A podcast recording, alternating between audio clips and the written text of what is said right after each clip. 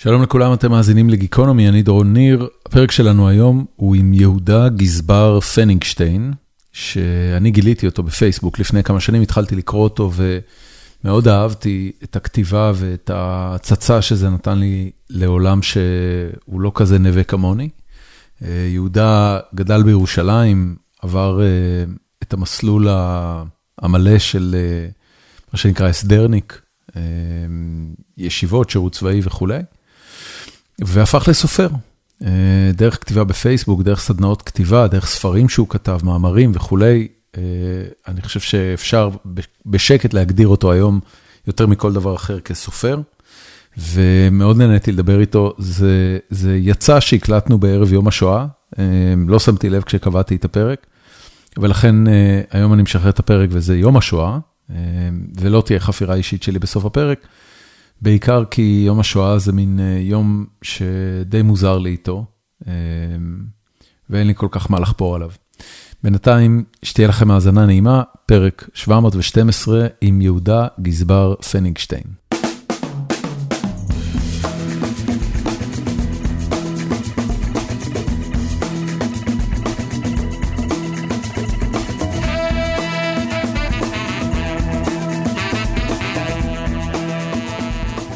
איך החבר'ה כאילו קוראים לך?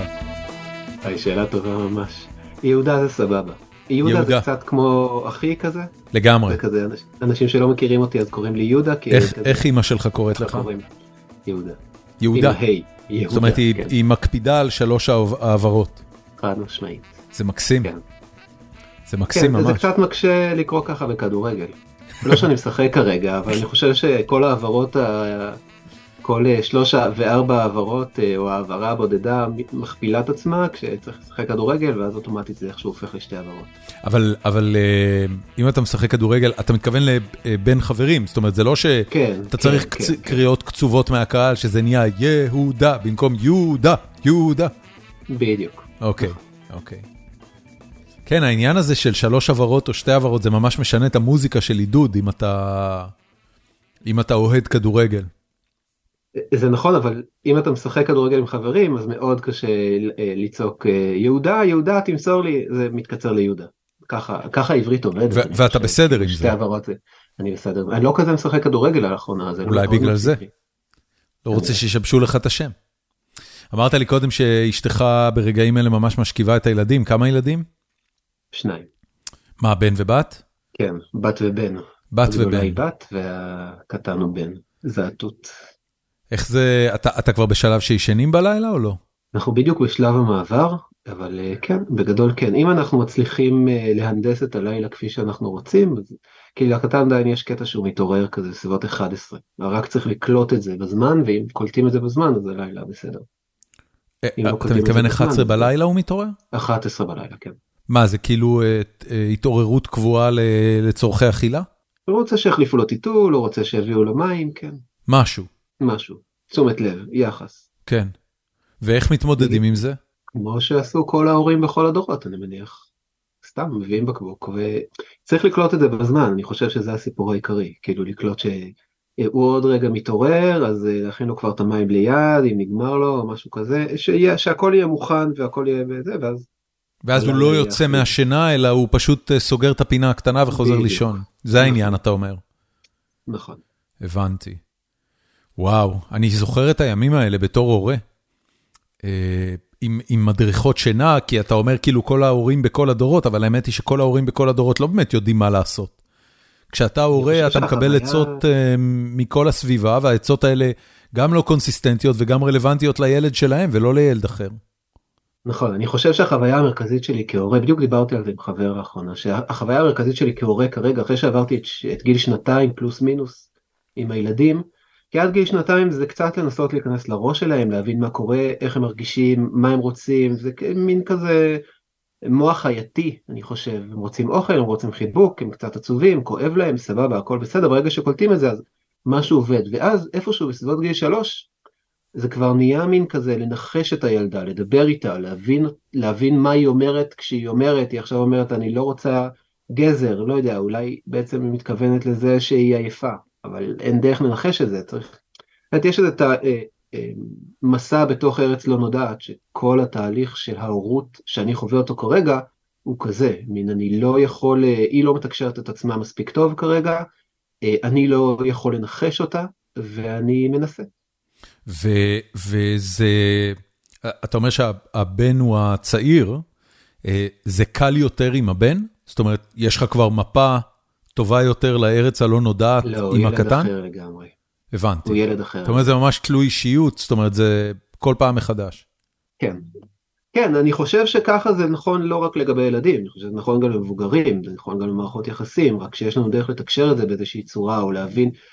אני זוכר כאילו בצורה, כשהיינו בתחילת, אה, הניס, כאילו אחרי שנה וחצי, אני ואשתי יצאנו לטיול ב...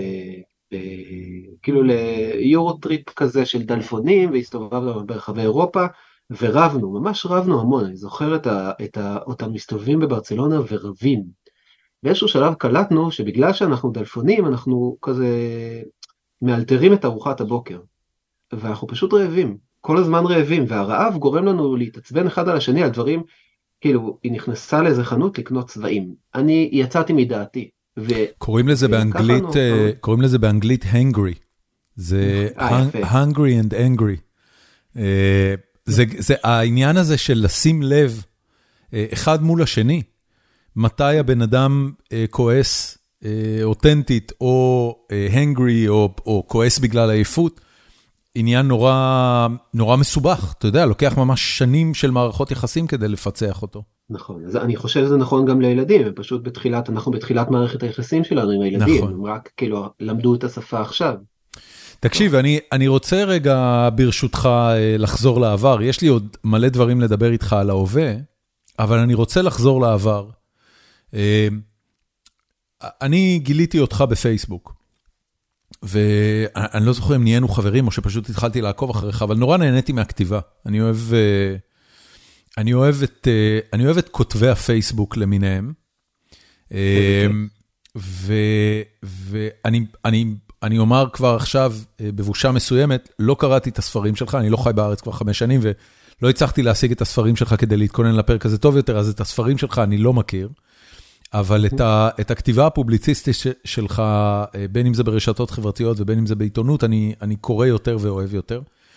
ונורא סקרן אותי סיפור החיים שסופו הוא בעצם הגילוי הזה, שאתה יכול אה, לכתוב אה, כאוות נפשך בכל מקום. אה, גילוי ש, שכתבת עליו בכמה וכמה מקומות, ושבעצם הוביל לזה שאתה היום, אתה יודע, האישיות שנקראת על ידי גם המגזר שלו וגם מגזרים נוספים. אני אשמח אם נחזור אחורה לילדות שלך בירושלים, רק כדי להבין קצת טוב יותר את הרקע שבו גדלת. אני לא בטוח מאיפה להתחיל. אה, בוא תתחיל מילדותך, איפה איפה גדלת בירושלים?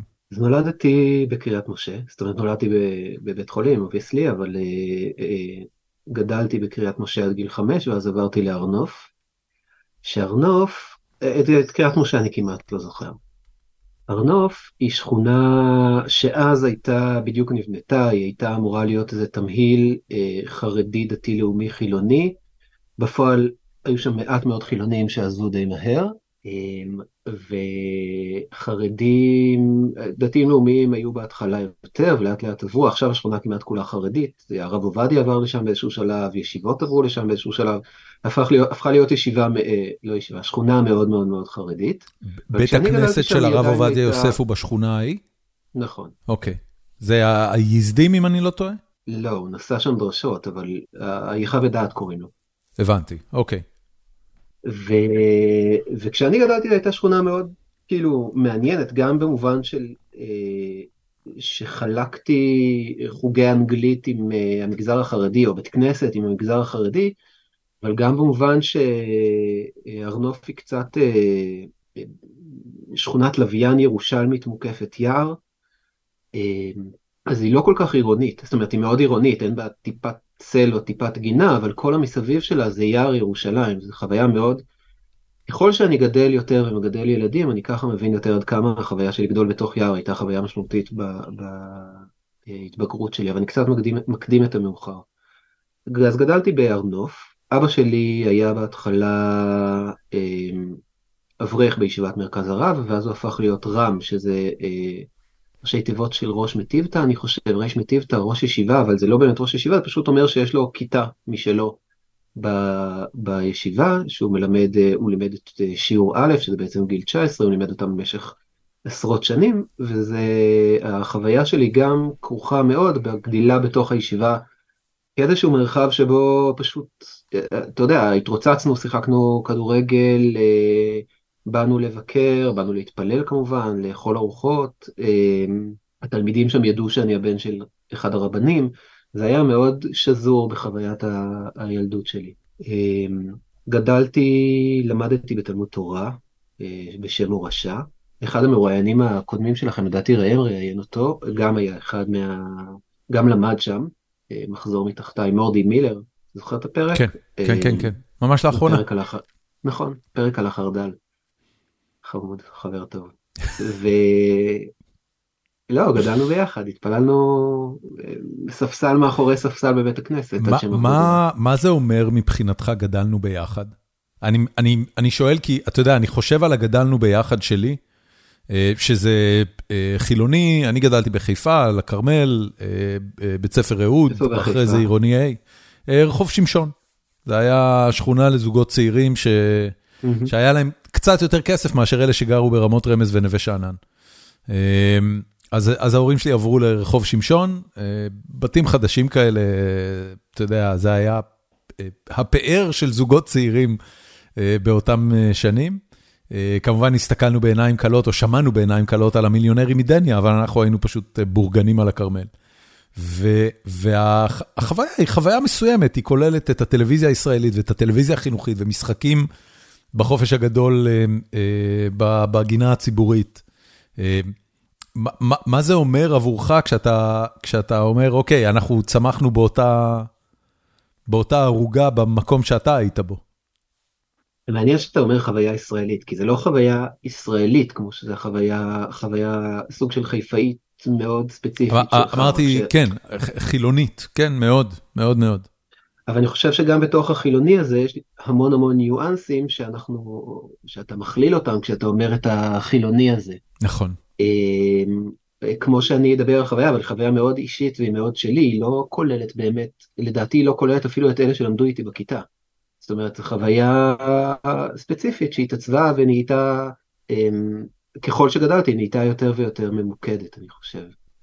מה זה אומר? זה אומר, קודם כל למדנו באותו תלמוד תורה, שהוא אז היה תלמוד תורה יחסית קשוח, למדנו הרבה מאוד, גם, גם לא למדנו בכלל לימודי, זאת אומרת, אני חושב שבגיל 12 הייתי מאוד מופתע לגלות, כאילו, מה חילונים לומדים, כי כל הזמן היה לי בראש, שמה לומדים בדרך כלל בבית ספר, לומדים, היה לי שיעור תורה והיה לי שיעור נח, כאילו נביאים וכתובים, והיה שיעור משנה והיה שיעור גמרא, והיה, זאת היה המון המון לימודי ספרות קודש, והיה מעט, כאילו למדנו קצת לשון ולמדנו קצת מתמטיקה, לא למדנו אנגלית, לא ממש למדנו גיאוגרפיה, לא ממש למדנו היסטוריה, למדנו איזה תחליף להיסטוריה, משהו שהתחיל ב-1881, וכאילו ניסה לספר, שיעור שניסה לספר את uh, הקמת uh, תחילת המושבות והציונות ב- בישראל בצורה מאוד מאוד ספציפית, uh, והיה שיעור ספורט, והיה שיעור חקלאות בשנה מסוימת, ואני חושב שפחות או יותר, זאת רוב השיעורים שלנו היו שיעורים שסבבו ספרות קודש, ואז uh, למדנו אותם הרבה מאוד שעות, למדנו, זאת אומרת, אני אומר למדנו, המחזור שלי ומחזורים סביבי, כאילו אני לא יודע מה קורה כרגע, למדנו את זה הרבה, כאילו למדנו, התחלנו תפילה בשבע בבוקר, שבע, המשכנו לשיעור ועוד שיעור ועוד שיעור ועוד שיעור, בכיתה ו' סיימנו בשש, בכיתה ז' וח' סיימנו בשבע. שבע בערב? שמונה לא ידענו, שבע בערב, כן. וואו.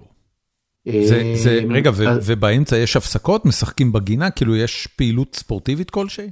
אין גינה, יש כדורגל, היינו מאוד אדוקים בלשחק כדורגל, זאת אומרת, אני ממש זוכר את חוויית ה... להתפרץ מהכיתה, לחטוף את הכדור, לחטוף קונוסים, להקים מגרש כזה במגרש, ה... ברחבת האספלט של מתחת לבית ספר, ו... ולהתחיל לשחק כמו משוגעים עד לרגע הצלצול. זאת אומרת, ספרנו כל שניית כדורגל כזו.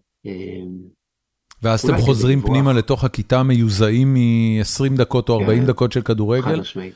והמלמדים, או כאילו הם בסדר עם זה, או שהם מתייחסים אליכם כמו ברברים על זה שהזעתם בהפסקה? לא, הם לא התייחסו אלינו כמו ברברים שהזענו בהפסקה, להפך, הבית ספר עודד את זה, קנה לנו כדורי רגל. אוקיי. זה היה מאוד משהו שבית הספר עודד, גם לפרוק, כאילו, אני מניח לפרוק לחץ, לפרוק אנרגיות, אה, וגם היה להם קטע מאוד עם, אה, כאילו קטע מאוד פיזי, עם אה, הרבה התעמלות ועם שיעור ספורט שנראה מאוד מקצועי, עם כלים מקצועיים, זאת אומרת עם מכשירי התעמלות מקצועיים. המורה לספורט היה רב? היה, קראו לו מייקל, לדעתי עדיין קוראים לו מייקל. איש חמוד מאוד, לא, הוא לא היה רב. אוקיי. גם המורה למתמטיקה לא היה רב, רוב הזמן. הבנתי. אוקיי. איזה איזה מין ילדות זאת? מאושרת? לחוצה, מאוד לחוצה, זאת אומרת אישית, אצלי, אני הייתי מאוד אה, בסטרס, הייתי מאוד בלחץ של אה, לרצות ולהיות בסדר, מאוד חששתי להיכשל במבחנים או, או לא להצליח לעמוד בציפיות ש, שבית הספר תלה בי או כל מיני דברים כאלה. היה, היה לי סטרס, אה, חרדת בחינות שהתפתחה באיזשהו שלב, הייתי מאוד מאוד לחוץ. כילד, זה משהו שאני חושב בצורה מסוימת מלווה אותי עד היום, הלחץ הזה, זאת אומרת הפחד מכישלון או הפחד מלא אה, לעמוד באיזושהי ציפייה מדומיינת, רק כמבוגר אני יודע להצביע, להניח על זה את האצבע ולהגיד אוקיי אז, אז לא, כילד זה היה יותר, אה, יותר התחבא. אתה יודע, אנשים, אנשים לא מספיק נותנים... תשמע, שנייה, אני רק רוצה להגיד, כן, כן, בטח, בטח.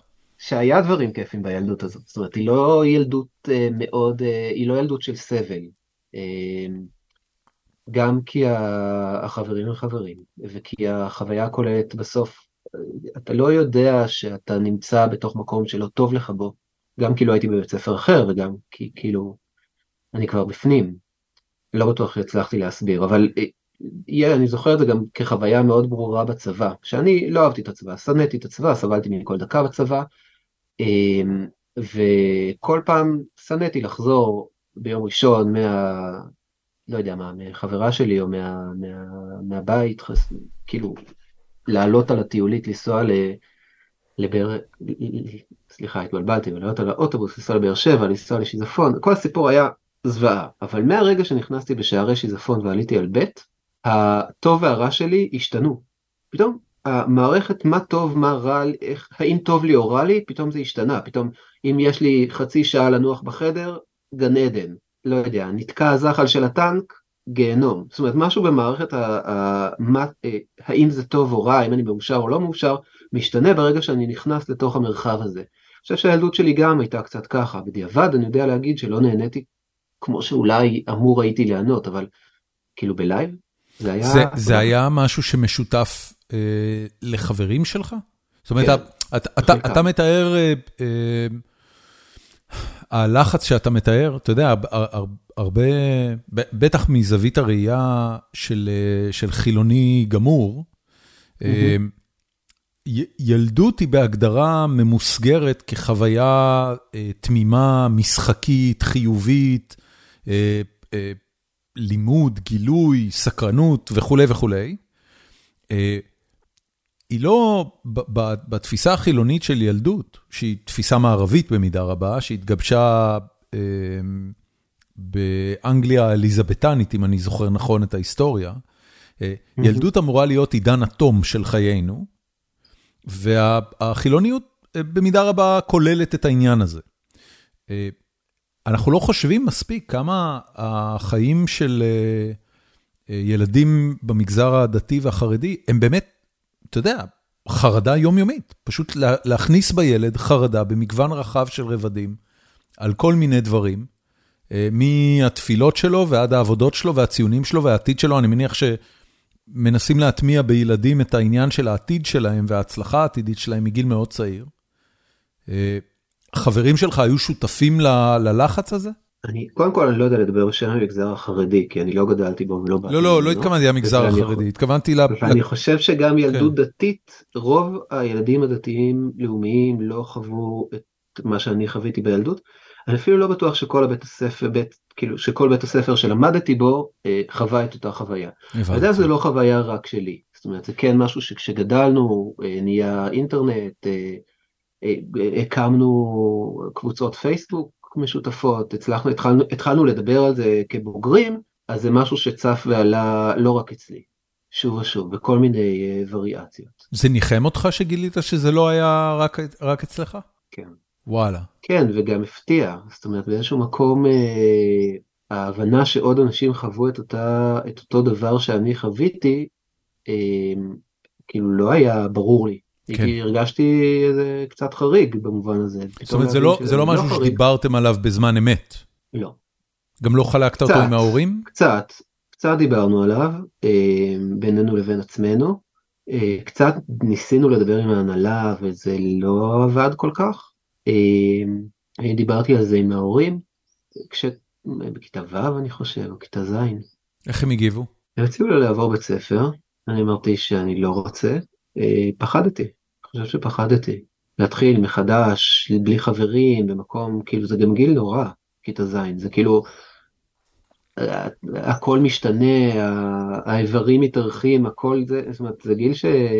עד שאתה מוצא חברים ש, שחברים שלך ואוהבים אותך והולכים איתך כבר כברת דרך, אז כאילו לעזוב אותם בשביל אה, אולי למצוא חברים חדשים, מאוד הפחיד אותי בזמנו. אז נשארתי שם עוד אה, שנתיים, שנתיים וחצי. ומה אחר כך? אחר כך הלכתי לישיבה תיכונית ליד הבית, אה, יאשלץ, קוראים לה ישיבה לצעירים שליד מרכז הרב, אבא שלי כרגע ראש הישיבה, אה, קיבל את המשרה לפני שש שנים נראה לי, משהו כזה.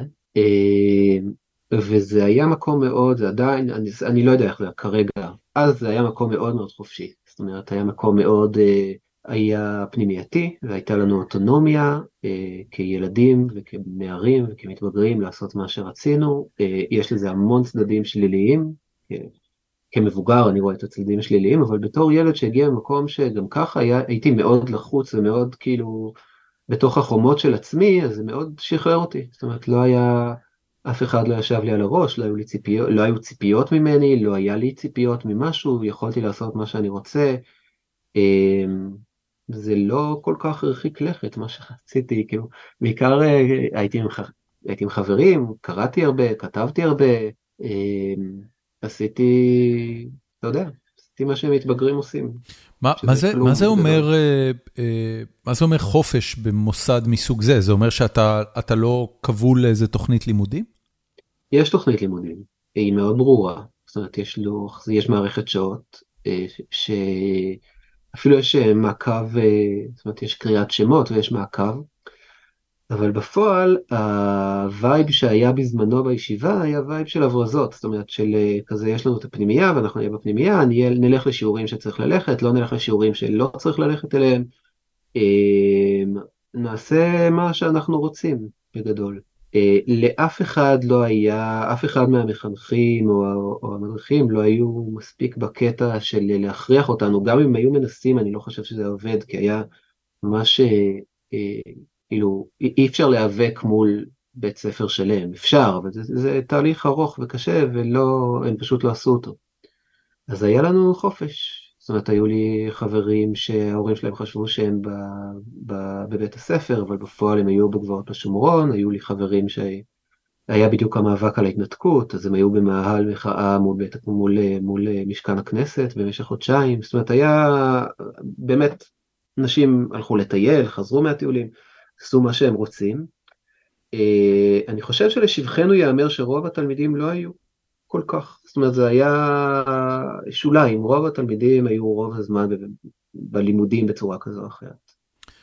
אמרת, אה, אמרת קודם על הגבעות ובמאהל מחאה סביב ההתנתקות, זה פעילות פוליטית. שני הצדדים האלה הם פעילות פוליטית. נכון.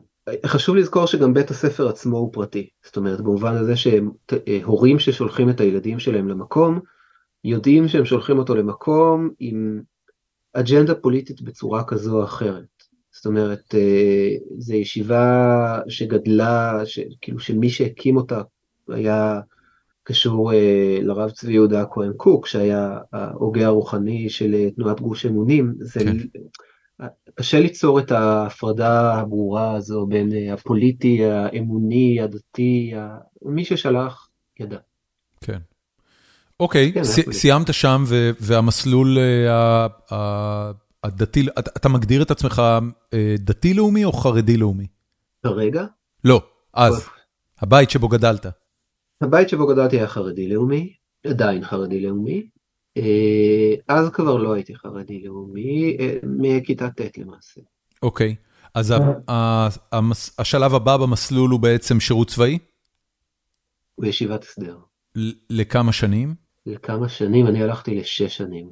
אוקיי, אה, אני אגיד, אני לא בקיא מספיק בכרונולוגיה של המסלול הדתי-לאומי, אז אם אתה יכול רק לסדר לי את זה, איך זה אמור להיראות מבחינת שירות צבאי וישיבת הסדר? אז בגדול ישיבת הסדר היא ישיבה שיש לה הסדר עם הצבא, והיא מכלילה את הלימודים בישיבה באיזושהי צורה כחלק מהשירות הצבאי. זה מה שישיבת הסדר עושה. אה, זה ההסדר. עכשיו, כמה זמן, אה, כשאני הייתי זה היה שנה וארבע, כאילו שנה וארבעה חודשים, שזה בעצם אומר אה, הכשרה ושני מחזורים. אה, עכשיו זה שנה וחמש או שש לדעתי, אני לא, אני לא עוקב. אה, אבל המסלול הדתי-לאומי יותר מגוון מזה. יש ישיבות שילוב, יש מכינות שתפסו אז מאוד מאוד חזק, שזה בעצם שנה, שנה וחצי, ואז הולכים לשירות צבאי מלא. היו איתי לא מעט בצבא ש... שהתגייסו מיד, זאת אומרת, דתיים שהתגייסו מיד. אה, אחרי חצי שנה. בקיצור, זה יותר מורכב. המסלול שבו אני הייתי, הנתיב שבתוכו אני הייתי, היה מאוד, אה, היה יחסית מובנה, ואף אחד אצלנו למשל לא הלך לצבא ישר. אני חושב שאף אחד גם לא הלך למכינה. זאת אומרת, כולם הלכו או לישיבות הסדר, או לישיבות אה, גבוהות, שזה ישיבה כמו ישיבות חרדיות, זאת אומרת, דוחים שירות ובסוף מתגייסים באיזושהי צורה. ו... ורוב החברים שלי הלכו לאחת משתיהן, או לישיבה גבוהה או לישיבת הסדר, אני הלכתי לישיבת הסדר. אמ, שבדרך כלל ישיבות הסדר הן ישיבות של חמש שנים, זאת אומרת, אמ, אני הלכתי לישיבה שהמסלול שלו הוא שש שנים, אה, והסתבכתי, כאילו הסתבכתי גם מהישיבה, הסתבכתי גם מהשירות הצבאי שלי. מה זה אומר הסתבכת? הסתבכתי עם הישיבה, זה אומר שלמדתי קצת במקום שלא התאים לי. אמ, ו... ולא רציתי לעזוב כי אמרתי לעצמי שאני מתגייס עוד רגע, אמ, אבל היה לי פרופיל אה, ג'ובניק ורציתי לעלות, אז עברתי ניתוח, אבל אז היה, זאת אומרת, הזמן שלקח לקבוע את הניתוח, לעשות את הניתוח, להתאושש מהניתוח, אה, פספסתי לא מעט, אה, זאת כל פעם זה נדחה בעוד מחזור ועוד מחזור ועוד מחזור ועוד מחזור, בסוף התגייסתי אחרי שלוש שנים, אני חושב, כן. התגייסתי אחרי שלוש שנים.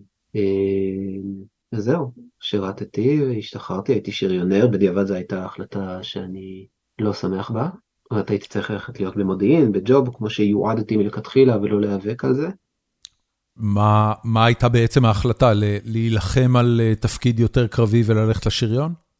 כן, ולעבור את הניתוח. היה לי איזה, הייתה לי איזה בעיה רפואית, אה, לא משנה כרגע מה, אבל שהיא הייתה פטירה באיזשהו ניתוח שכרך לא מעט, גם החלמה וגם הכנה, זה היה סיפור כאילו. כן.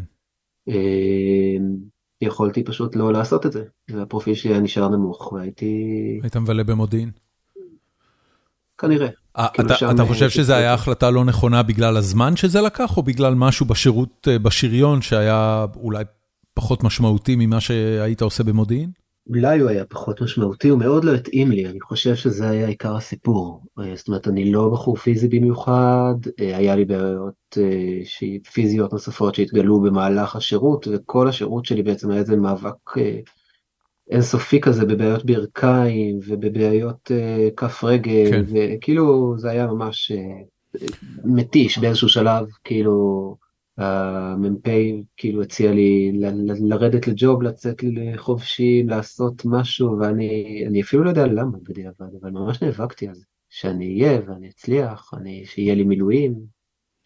מה זה, זה היה עניין של, של, של הדימוי של איך רצית לראות את יהודה המבוגר? אני חושב שכן. מתי התפכחת מזה? כן, גם גדלתי על, על ברכי, כאילו, צבא קרבי זה אחי. וזה גם היה איזה תהליך התפכחות. זאת אומרת, לעמוד בציפיות של המשפחה וההורים והחברה שגדלת? המשפחה וההורים לא כזה ציפו ממני. אה, אוקיי, אז מאיפה זה הגיע? ציפיות שלי מעצמי, מהחינוך שגדלתי בו. אוקיי. מה, ההסללה של ישיבת ההסדר? הציונות הדתית כולה בזמנו, שוב אני מכליל פה משהו שאני לא מכיר עד הסוף, אבל היה אה, הסללה מאוד גדולה לשירות קרבי דווקא, שמי שיכול ללכת לקרבי ילך לקרבי, גם אם זה כרוך בוויתורים וגם, סליחה, וגם אם זה כרוך בעוד דברים, אני לא יודע, אני מאוד הלכתי כאילו אחרי התלם. אני, אני, אני ברשותך רוצה לשאול על זה, כי זה, זה, זה משהו שאני שומע אותו הרבה, שהציונות הדתית, אה, אתה יודע, הם מסלילים את עצמם כחברה אה, להיות האליטה של אה, מדינת ישראל, והאליטה בהכרח עוברת דרך הגנת אה, העם והמולדת, דרך הצבא. ו- ו- ויש מגוון קלישאות שרצות היום בתקשורת, שרוב הפיקוד הבכיר בצה"ל הוא היום חובש כיפה, ו- וכל מיני דברים כאלה, אני לא יודע אגב כמה זה סטטיסטית נכון, אבל לפחות זה משהו שלציבור ה- הדתי-לאומי מאוד חשוב לציין, ואני רוצה לשאול אותך, אם אם אתה אולי זוכר בילדות שלך וב, ובתקופה בישיבה, מהו הביטוי של הדבר הזה? הוא שיחות מחנך? הוא אה, נאומים של המנהל שבו הוא מטיף את העניין הזה לתלמידים? זה זה שירים? זה... מה זה? איפה איפה זה נוכח? וואי, אה, קודם כל אני אגיד ש... שאני מרגיש קצת קצת כאן קצת כדובר של המגזר אני לא חושב אתה לא. שאני דובר של אתה, אתה פשוט, לא, פשוט בוגר כ... של המגזר. אני מתוך אה, סקרנות שואל אותך אנחנו תכף נעבור לדבר על משהו אחר לא חשבתי שנדבר על זה כל כך הרבה. אז אז לא אין הסללה במובן בטח לא בשיחות אה, לא שיחות של ראש הישיבה או לא שיחות מחנך זה לא משהו שנראה ככה ואני גם חושב אה, אני אגיד בעדינות שההסללה הזאת ההכוונה להיות אליטה היא לא נראית ככה. זאת אומרת, היא לא נראית כמו שאנחנו מצפים שהיא תיראה. היא הרבה יותר אידיאולוגית, היא הרבה יותר מוכוונת שליחות, היא הרבה יותר באה ממקום, אני אגיד בזהירות, אה, אה, טוב או חיובי, זאת אומרת שמאמין שהדבר שהנכון לעשות למען העם ולמען המולדת הוא ללכת לשירות, אה, זאת אומרת, ההבנה המאוחרת יחסית, או, או אני חושב שהיא לא הבנה, היא מאוחרת גם ב, ב, במגזר הכללי, במדינה כולה, ההבנה ש, שהייטק או שהצלחה כלכלית היא גם דרך לסייע למדינה באיזושהי צורה, בטח. היא גם החלטה מאוחרת, זאת אומרת בזמנו זה היה חקלאות, שהיא לא הביאה כסף, והיא זכתה לא, חק, חקלאות, חקלאות באה ממקום אה, מאוד ברור של... אה, אה, של חוסן אה, תזונתי.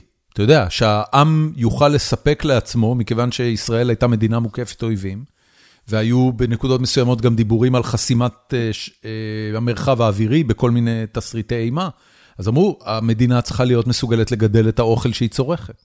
זה העניין החקלאי. יכול להיות שאתה אומר את זה כמתכנן מדיניות. אבל כאדם שעכשיו שואל את עצמו האם להיות חקלאי או לא להיות חקלאי, הוא לא חושב בהכרח על חוסן אה, תזונתי, כמו שהוא נכנס לפה גם המיתוס של הצבר וגם עבודת האדמה וגם הקשר לאדמה. כל הדברים האלה לפה... שאתה מתאר הם אה, by design, הם עוצבו ככאלה. אני הרעיון של גאולת שה... כן. אני מסכים, ברור. אני פשוט אומר שזה משהו ש... שזה מיתוס דומה במובן מסוים למיתוס הדתי-לאומי, שבו נכון. לאן שיקראו לנו אנחנו נלך. נכון. אם מה שצריך כרגע זה חיילים, אנחנו נלך להיות חיילים. אם מה שצריך, הצבא צריך קרביים, אנחנו נהיה קרביים. הצבא, זאת אומרת, יש פה עוד המון מיתוסים שמתערבבים בסיפור. זאת אומרת, מיתוס הגבר, שוב, הצברי, אלי כשעלה מן הים, הדבר, האיש הזה ש... ש... אמ, עטוי השרירים ו... איזה דמות תנכית כמעט. זאת אומרת, הרבה דברים נוספים כרוכים כאן, אבל זה משהו שהוא לא עובר, הוא לא מעוצב בהסללה מסוג אה, תעשו ככה וככה, זו הדרך הנכונה לחיות. כן. אלא מהמון המון אה, סיפורים, מי איש חשוב, למי אנחנו מעניקים. אה, בתלמוד תורה שלמדתי בו, אז התפלל בזמנו, וגם למדו שני ילדיו של דרור ויינברג, שהיה מח"ט חברון, ונרצח בפיגוע בציר המתפללים, בסמטת המתפללים, לא זוכר איך קוראים לזה. אמ, והוא היה דמות בבית, בבית הספר, זאת אומרת, הוא היה יושב ולומד עם, עם חברים שלו שהיו מורים שלנו, והוא היה מדבר איתם, והוא היה כאילו, היה לו את הילת המח"ט, שלוש הפלאפלים שמסתובבים להם ברחבי ה... זה, זה משהו שאתה לא צריך לדבר עליו, הוא נוכח. נכון. תגיד, בתוך כל ה... אה, בתוך כל חוויית הילדות, בתוך כל המסע הזה, אה, באיזה רגע אתה התחלת לחשוב על זה שכשתגדל אתה תהיה סופר, או שטקסטים ומילים כתובות תהיה אה, משלח ידך ומקור פרנסתך? שתי שאלות שונות. נכון. משלח ידי וסופר. נכון. אני, בתוך כל הזמן הזה, שנות הילדות שלי, אני קראתי וכתבתי.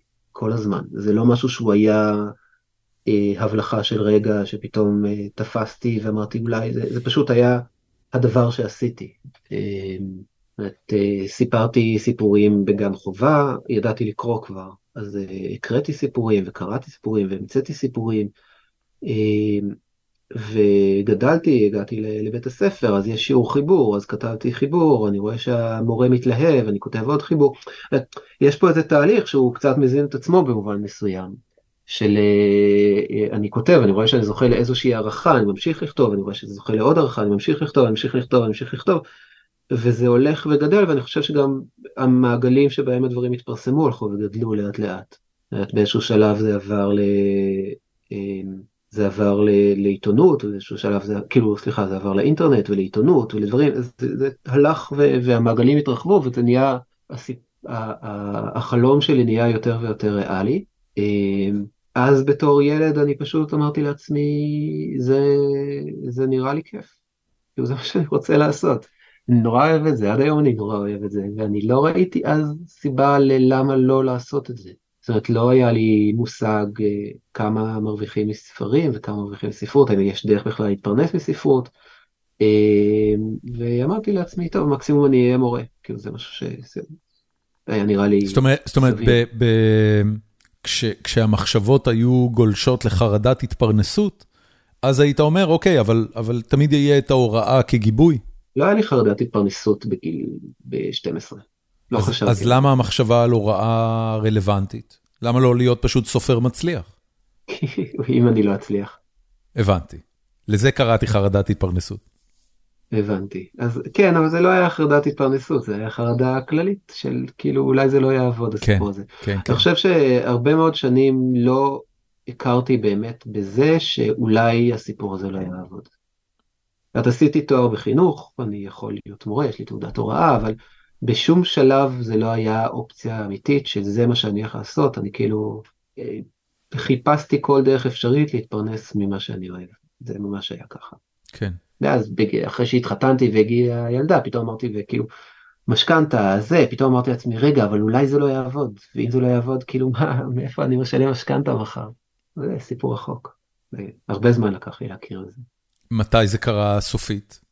אתה הכרתי בזה שמה? שזה יעבוד או שזה לא יעבוד? שזה זה, זאת, ה, זאת העבודה שלי, זה לא, אני לא אהיה מזה מולטי מיליונר, אבל אני גם לא ארעב ללחם. It pays the bills, יש כאילו איזה, אתה יודע, יש איזה רוטינה שאתה כבר, אה, שאתה כבר מתפרנס בה.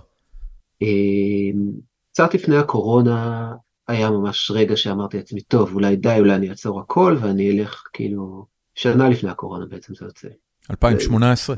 2018-2019, כן. אמרתי לעצמי, די, אולי אני אעזור הכל, אולי אני אלך אה, לעשות קורס אה, UX UI, אולי אני אלך למקומות שהם קצת יותר, אה, קצת יותר הייטק, קצת יותר מחשבים, משהו שהוא יכול אה, לפרנס בצורה יותר יציבה. אז אתה יכול לשתף מה חולל את זה?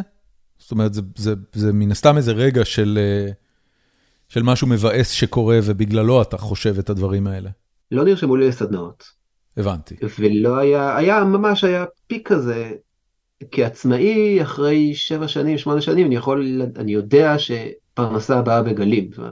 כשכיר יש עבודה וכסף נכנס, אבל גם כשכיר יש פיקים, הם פשוט לא, לא בהכרח מתרגמים את עצמם לכסף. ובתור עצמאי זה מאוד ככה, יש פיק של עבודות, יש פיק של לא עבודות, וצריך להתאים, או לבנות מוצר מתאים לתקופת החגים, שבה אנשים כאילו לא מתכננים כרגע משהו ארוך טווח, אבל כן רוצים איזה משהו קצר. זאת אומרת, יש פה איזה תהליך למידה גם שלי, גם של הקהל, גם של, של השוק, של כל הדברים האלה.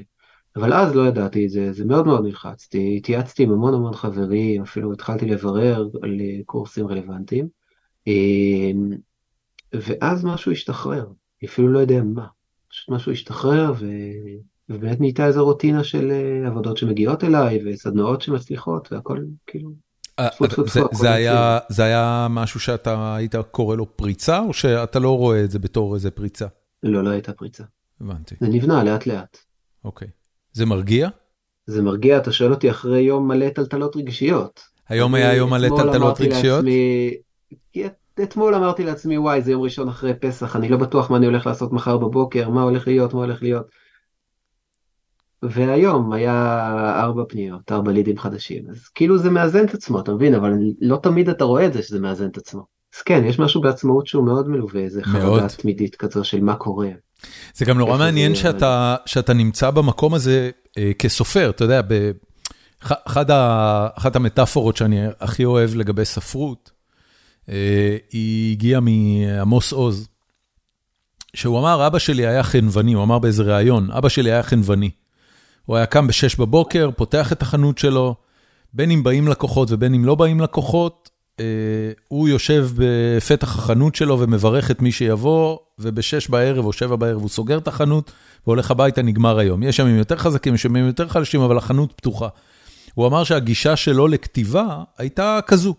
הוא קם ב-6 בבוקר, מתיישב ליד המכונת אה, כתיבה או מאבד תמלילים, ולפעמים יוצא עמוד אחד, לפעמים יוצאים עשרה עמודים, לפעמים לא יוצא כלום, אבל הוא מעביר את שעותיו במקום שבו זה אמור לקרות.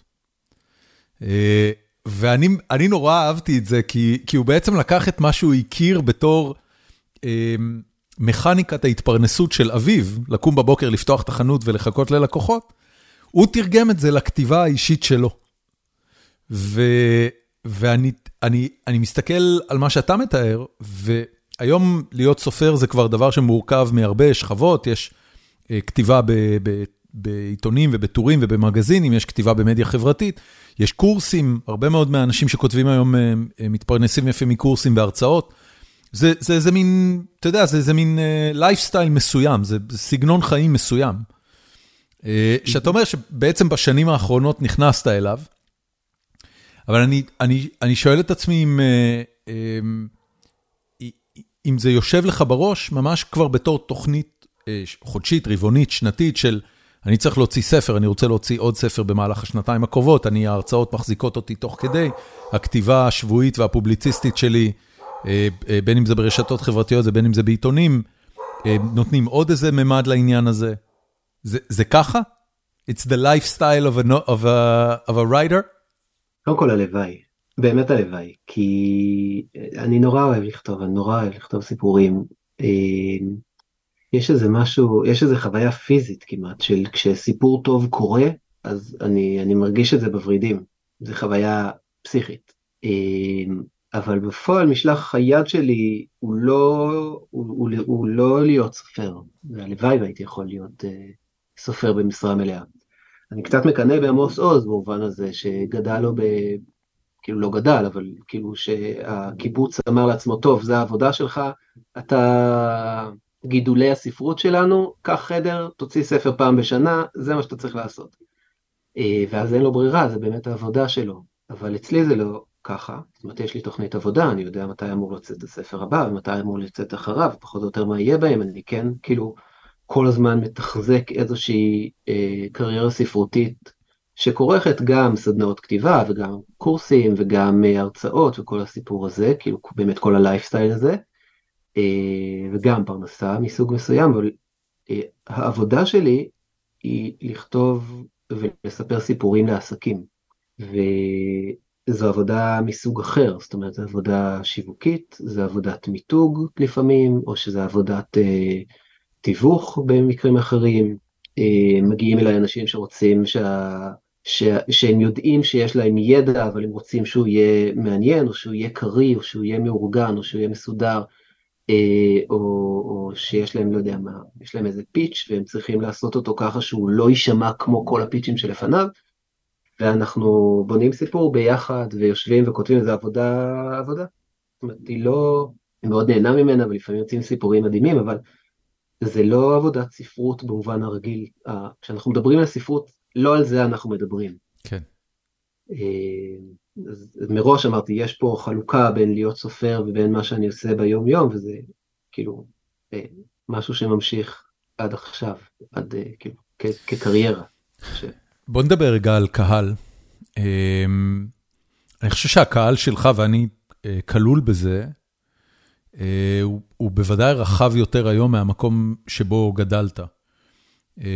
ואני אשמח לשמוע ממך את המסע אה, אני אני באמת לא יודע אם זה אם זה, אם זה קודם בא ממך הגילוי שיש קהלים שהם לא אה, הציבור שבו גדלת, שאתה רוצה לדבר איתם ולפנות אליהם, או שזה הגיע מאיזה תובנה אה, פנימית של של להיפתח ולכתוב לקהלים רחבים יותר? זה מנגנון שעובד בפנים? לא יודע אם אני מסביר את עצמי אפילו טוב בשאלה הזאת. לא, דווקא שאלה, שאלה טובה. אה, יש לי כמה תשובות עליה, אני מקווה שכל התשובות יענו בסופו של דבר. אה, אה, כשהייתי קטן שיחקתי הרבה Age of Empires 2. מכיר את המשחק? משחק מדהים. ושיחקנו אותו ברשת בדיוק כאילו זה היה הרגע שבו המשחקים והאינטרנט התחברו לאיזה כאילו פיצוץ אטומי והיכולת לשחק מול אנשים אחרים ברשת הייתה פסיכית, זה באמת משהו שעשיתי הרבה בתיכון. רגע, אה, בבית אה, אה, דתי-לאומי או חרדי-לאומי יש משחקי מחשב? אמא שלי לא אהבה. לא, זאת אומרת, לא אהבה ששיחקת בזה, למרות שזה לא- היסטוריה, ואתה יודע, אתה יכול לצבוע את זה בצבעים. היא לא אהבה משחקים של, היא עדיין אוהבת לדעתי, משחקים כאלה של קומפדיה, כשהיינו ממש ילדים, אוקיי. ואחר כך כזה גורדי. כן, כן, כן, בטח. אחר כך משחקים קצת יותר מתוחכמים, אה, אבל משחקים לימודיים. ואנחנו אהבנו פיפא, אז כל פעם היינו מתקינים פיפא, ואז כזה היא הייתה אה, זורקת את הדיסק לפח, וכאילו היה ממש כזה, היא לא רצתה שנתמכר למשחק, בצדק אגב, כי התמכרנו די מהר. ו... אבל אנחנו מדברים על התיכון, כאילו Age of Empires 2 אה, באינטרנט זה כבר תיכון שלי, זה השישית שלי, השביעית שלי, כאילו 16-17. 95 אני חושב. מה זה? שנת 95 אם אני לא טועה. המשחק? אפילו, לא חושב יותר מאוחר. 95. הוא בטוח לא התחבר לאינטרנט, לא היה אפשר לשחק בו באינטרנט ב-95. אז אתה תעשה את הגוגל שלך בזמן שאני אגיד שהאסטרטגיה שלי, יש אסטרטגיות במשחק, האסטרטגיה שלי הייתה לבנות קודם כל base מאוד מאוד מבוצר שמזין את עצמו, מין משק אוטוקרטי כזה שכאילו מזין את עצמו והכל זה ומייצר צבא, לבנות צבא מאוד מאוד מאוד מאוד גדול ורק אז להתחיל להילחם באנשים אחרים ותמיד הפסדתי לאלה שהיו על ההתחלה בונים צבא בסיסי אפילו לא מבצרים את ה base שלהם וישר כאילו מתחילים אה, ישר מתחילים לתקוף. שנת 99, 30 לספטמבר. ממש אה, ממש בסוף המילניום. אני הייתי עם כיתה ה'. אוקיי, הגיוני, הגיוני שהוא הגיע אלינו שנתיים שלוש אחרי. כן.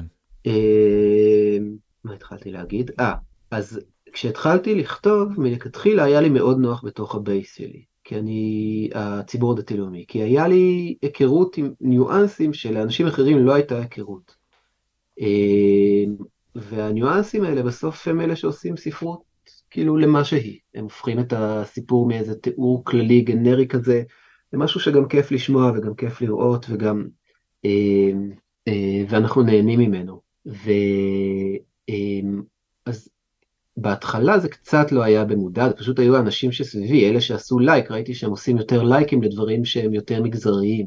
אז יצרתי יותר ויותר מגזרי, ואז באיזשהו שלב קלטתי שאני עושה את זה במודע, והתחלתי לנסות להרחיב או, או לסטות או אפילו פשוט לשבור את זה כי זה הציק לי. כאילו אה, אה, מאוד שמחתי על זה שאני מתבסס בתוך קהל אבל הציק לי כי הרגשתי שאני הולך לשם אני הולך ונהיה יותר ויותר מגזרי כי זה כאילו עובד ואני מפספס משהו שהוא אה, אוניברסלי יותר רחב יותר אה, אה, שמאפשר זאת אומרת ברור שהספציפי הוא האוניברסלי אה, חוויה ספציפית אה, יכולה לדבר לקהל רחב יותר, זה, אה, אבל עדיין, כאילו, משהו ב, ב, מה הקונפליקטים שאני מתעסק בהם, מה מעסיק אותי, על מה הייתי רוצה לכתוב, ובאמת הלך, הלך והתרחק מהמקומות שבהם דת אלוהים, מגזר ואני נפגשים, והלך למקומות קצת יותר הורות, פרנסה,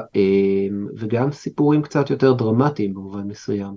כאילו, יותר אקשן, יותר מתח, נשקים, בלש, ז'אנרים שתמיד אהבתי ולא כזה ידעתי לכתוב אותם והתאמנתי בהם יותר ויותר. זה באמת עניין של אימון? זאת אומרת, היית מוציא טקסט ואומר, אוקיי, זה... השתפרתי מהטקסט המותח הקודם שניסיתי לכתוב. כן. כל הכתיבה שלי בפייסבוק התחילה בתור אימון. זאת למדתי אז תסריטאות במעלה, הרגשתי שאני לא, אה, לא טוב במה שקוראים לו עלילה. זאת אומרת שאולי אני יודע לשחק במילים וזה נראה טוב, אבל זה לא, זה לא מספיק מחזיק. ו... והפסקתי, כאילו, פתחתי פייסבוק ואמרתי לעצמי, טוב, מעכשיו כל יום סיפור, אה, ממש ישבתי וכתבתי כל יום סיפור על פי הכללים שלמדנו ב... ב... בלימודים. כי זה היה ממש כזה דמות, אה, מה הוא רוצה, למה הוא לא יכול להשיג את זה, מה הוא עושה. מין כזה קונפליקט עטרה, קונפליקט עטרה, קונפליקט עטרה. כתבתי 300 סיפורים כאלה, 400 סיפורים כאלה, ממש הרגשתי איך כל סיפור נוסף שאני כותב גורם לי להבין עוד משהו על המכניקה הזו. אז כן, עד היום הפייסבוק משמש בתור איזה מחברת טיוטות גדולה שלי כזה שבה אני משחק, מנסה, מתנסה, בודק, יעבוד, לא יעבוד, כן יעבוד, מובן, לא מובן. אתה, אתה, אה. אתה, אתה מדבר פה על תחושה פנימית של איכות הולכת ומשתפרת, האם יש קורלציה בין זה לבין לייקים בפייסבוק? לא בהכרח. מתי לא? מתי אתה רואה, קודם כל האם אכפת לך בכלל? קודם כל ברור שאכפת לי, okay. אני לא בן אדם. אה, אה, לכולם אכפת, די נו. הכל בסדר. לכולם אכפת. אני, אני, מה, מה יותר חשוב לך, שהסיפור יהיה טוב בעיניך, או שהוא יביא לייקים? שהוא יהיה טוב בעיניי. זה הקונפליקט. זה נכון, ובאמת בהתחלה המקום שהלכתי אליו היה שהוא יביא יותר לייקים, על פני שהוא יהיה טוב בעיניי, אבל אני חושב, קודם כל פייסבוק אחרי הגל הספרותי שהיה אפשרי בו באיזושהי צורה בין, לא יודע מה, 2014-2018. זאת אומרת, אה, יש פחות ספרות שנכתבת בפייסבוק, אה, יש גם הסופרי הפייסבוק שעובדים בפייסבוק ולא מוציאים ספרים בהוצאות מוכרות נקרא לזה, עדיין כותבים פחות ופחות. אה, היא פייסבוק פשוט פלטפורמה ש... שמאבדת את זה בשביל טקסטים ארוכים. כבר אין להם חשיפה, אי אפשר כן. לכתוב אותם, הם לא נקראים, אנחנו כאילו, יש הרבה יותר, אה, הם, יש רילס ויש כאילו תמונות ויש המון המון דברים שמושכים את תשומת הלב שלנו לפידים אחרים לגמרי, שהם לא פידים טקסטואליים. אז הניסיון לבחון איכות של טקסט על פי מספר הלייקים שלו, שזה אולי משהו שהייתי יכול לעשות פעם, זה גם לא היה אפשרי, כי כאילו הייתי כותב מאוד ארוך, זה כבר איבד את זה, זה לא יעבוד עכשיו. אה, אז אני בעיקר אה, כאילו משתמש בזה כמו כל רשת חברתית, כמו כולם, אני לא יודע אם כמו כולם, אבל כמו שאנשים משתמשים ברשת חברתית. כותב הגיגים, כותב כזה את הדברים שמעניינים אותי, מתרגל סיפורים, משתמש בזה כמחברת טיוטה, נחמד. תגידי היום, אה, ואני מהבחינה הזאת, אני רואה שינוי, אני לא יודע אם לקרוא לזה פוליטי או תפיסתי, אבל אני אני לגמרי רואה אה, התבגרות של הפרספקטיבה שלך על איך נראית אה, החברה הישראלית ככלל, ואיך נראה באופן ספציפי האזור שממנו הגעת בחברה הישראלית. אה, אני רואה ביקורת, אני רואה שיתופים של אנשים ממגזרים אחרים, שהמכנה המשותף שלהם הוא השאיפה לנורמליות וחיים שקטים וטובים במדינת ישראל. זה מראש מסמן אותך כ, כמישהו ש, שיוצא נגד המחנה שלו, שהיום הוא נמצא בקואליציה. אתה, אתה גם רואה את התזוזה אה, ברמה הפוליטית שלך על הסקאלה הזו? שואל אישית או שאתה שואל אישית. איך הקהל תופס אותי? לא, לא, לא, אישית, קודם כל. כן, ברור. אישית אני מרגיש... וואי, שאלה טובה ממש. ופלי לימון, הספר הראשון שלי, אה, לא מרחם על המגזר. זאת אומרת, הוא לא ספר, אה, הביקורת בארץ כתבה עליו שזה כזה המגזר הדתי-לאומי כמו שהוא אף פעם לא נראה, אה, ואני חושב שזו כותרת יפה. מאוד. היא מאוד מחמיאה לי, אז אני מאוד, שמח בה. מאוד מאוד. אה, כי יש, היה בו משהו שהוא לא היה, לא הייתי ביקורתי במובן של בוא ניקח את המגזר ונעמיד אותו בתור שק אגרוף ונחבוט בו, כי אני לא כל כך אוהב את זה, אני לא חושב, אני גם לא אוהב את, ה, את התנועה הנפשית הזו של כזה, הנה יש פה איזה סערת רשת, בוא נצטרף אליה ונחבוט, ואני גם לא אוהב את התנועה האישית. ה, ה, כאילו את התנועה הזאת של אה, אה, לצאת ממקום ולהתחיל אה, ללכלך עליו. אני כן חושב ש... אה, שכל אדם כשהוא מסתכל על הצורה, על המקום שבו הוא גדל, הוא יכול להצביע על המקומות, כאילו בטח כשהוא מסתכל על זה בפרספקטיבה חיצונית, הוא פתאום יכול להצביע על מקומות שבהם אה, הדימוי לא מושלם, שבהם המקום, המגזר או המקום או השכונה או החברה או האידיאל הבורגני, כאילו קורס איפשהו. לא בהכרח קריסה אישית, אבל זה כאילו זה, זה המקום שבו זה חורק, שזה לא עובד. חורק זה מילה מעולה. אה, אה, גרם לי מיד לחשוב על... אה, מדורת השבט של יוסי סידר, שמלא באהבה למגזר וחורק. כן, אבל אני מנסה להגיד שזה נכון לא רק מגזרית, זה נכון גם, אני חושב על הסופרים האמריקאים שאני אוהב, כאילו, שהם סופרים שכותבים על חוויית, אה, חוויית הפרברים האמריקאית, שהיא חוויה שהיא לא מוכרת לי בשום צורה, אה, והם לא כותבים את זה במובן הביקורתי החובט, כאילו המתנסח, איזה דבר נורא זה פרברים, כן, יש לי בראש את uh, התיקונים של, uh, של ג'ונסון פרנזן, או את חירות, uh, והם לא כותבים את זה במובן של איזה רע זה, ועדיין הם מניחים את האצבע למקומות שבהם הסיפור שאנשים מספרים לעצמם לא עובד, נכון. או לא עובד כמו שצריך. אני חושב uh, שיש משהו באמת ב, ב, באיזושהי התבגרות, או באיזושהי יציאה מתוך הלופ המגזרי, או החברתי, או היכולת להתמודד על משהו מבחוץ, ש... שמאפשרת, את ה... את ה... שמאפשר את המבט הזה. זה משהו שהספר הראשון שלי מאוד הביא לקדמת הבמה, זאת אומרת, את, ה...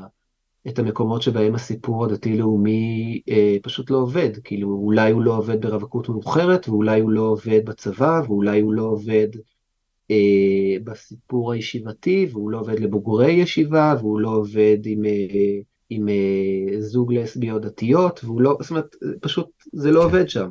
הוא לא, הוא לא אה, עובד להרבה, להרבה מאוד אנשים, להרבה סוגי חיים, אה, או, או סוגי אורחות חיים.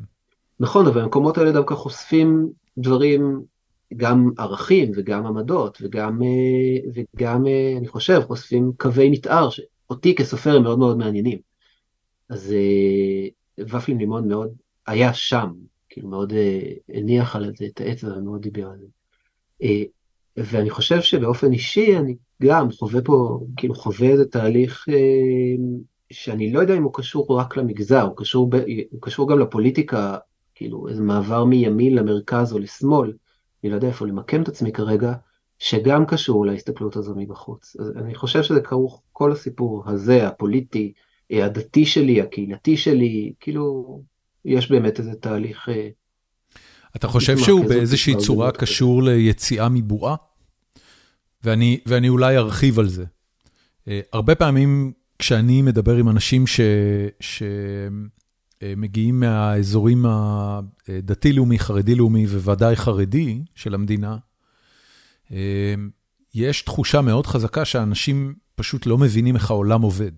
לא מבינים מה המשמעות של כלכלה, לא מבינים מה המשמעות של מלחמה מול, אה, אה, מול אה, שלום, מסחר מול, מול, מול, מול טרור, הכנעה, כיבוש, אתה יודע, המון, המון דברים שפשוט אני, אני נדהם לגלות כמה חוסר הבנה יש לגבי המציאות שבה הם בעצם חיים ומוגנים מפניה במגוון רחב של, של, של, של, של, של אחיזות עיניים, כל מיני אחיזות עיניים. אלוהים דואג לפרנסה, בפועל קצבאות דואגות לפרנסה. אה, אה, אין שום כיבוש, הארץ היא שלנו, בפועל צה"ל צריך להשליט, אה, להפעיל את כוחו כל יום מחדש על אוכלוסיות אזרחיות שנקלעו לסיטואציה. זה, זה עניין של ככל שאתה מתבגר אתה יוצא מהבועה הזאת? אני לא יודע אם זה קשור להתבגרות. לא שלי באופן אישי ולא ככלל. אני גם לא יודע אם כל הסיפור הזה, זאת אומרת, הכיבוש הוא דוגמה טובה, בסדר? כי רוב הציבור הישראלי, בלי קשר לבועה שבו הוא נמצא, מדחיק את הכיבוש. לגמרי. אז זה משהו שהוא נמצא מעבר, מה זה מעבר להרים? הוא נמצא בהרים, הוא נמצא מעבר לחומה, הוא נמצא מעבר למחסומים, אה, מחסומים שלא נחצים אה, על ידי רוב, רוב המרכז-שמאל הישראלי, אה, וזה לא קשור דווקא לבועה. זה לא איזה משהו שהוא כרוך באיזה המון המון המון אה, אה, מעשי תעתועים ואחיזת עיניים. זה באמת משהו שהוא אולי בחירה אישית, אולי חוסר היכולת, הרצון להתעסק בזה. עכשיו זה נכון גם לגבי הצורה שבה כלכלה עובדת, כאילו הבנה מהי כלכלה, אני חושב שזה קשור הרבה ל, ל, לדברים שלא קשורים דווקא לבועה, אלא אם כן אנחנו מדברים על בועה ואנחנו מדברים על uh, תפיסת העולם שבה אנחנו אוחזים מילדות והיא מטופחת בכל מיני אמצעים בבתי הספר ובמוסדות שבהם אנחנו עוברים, שאז כן.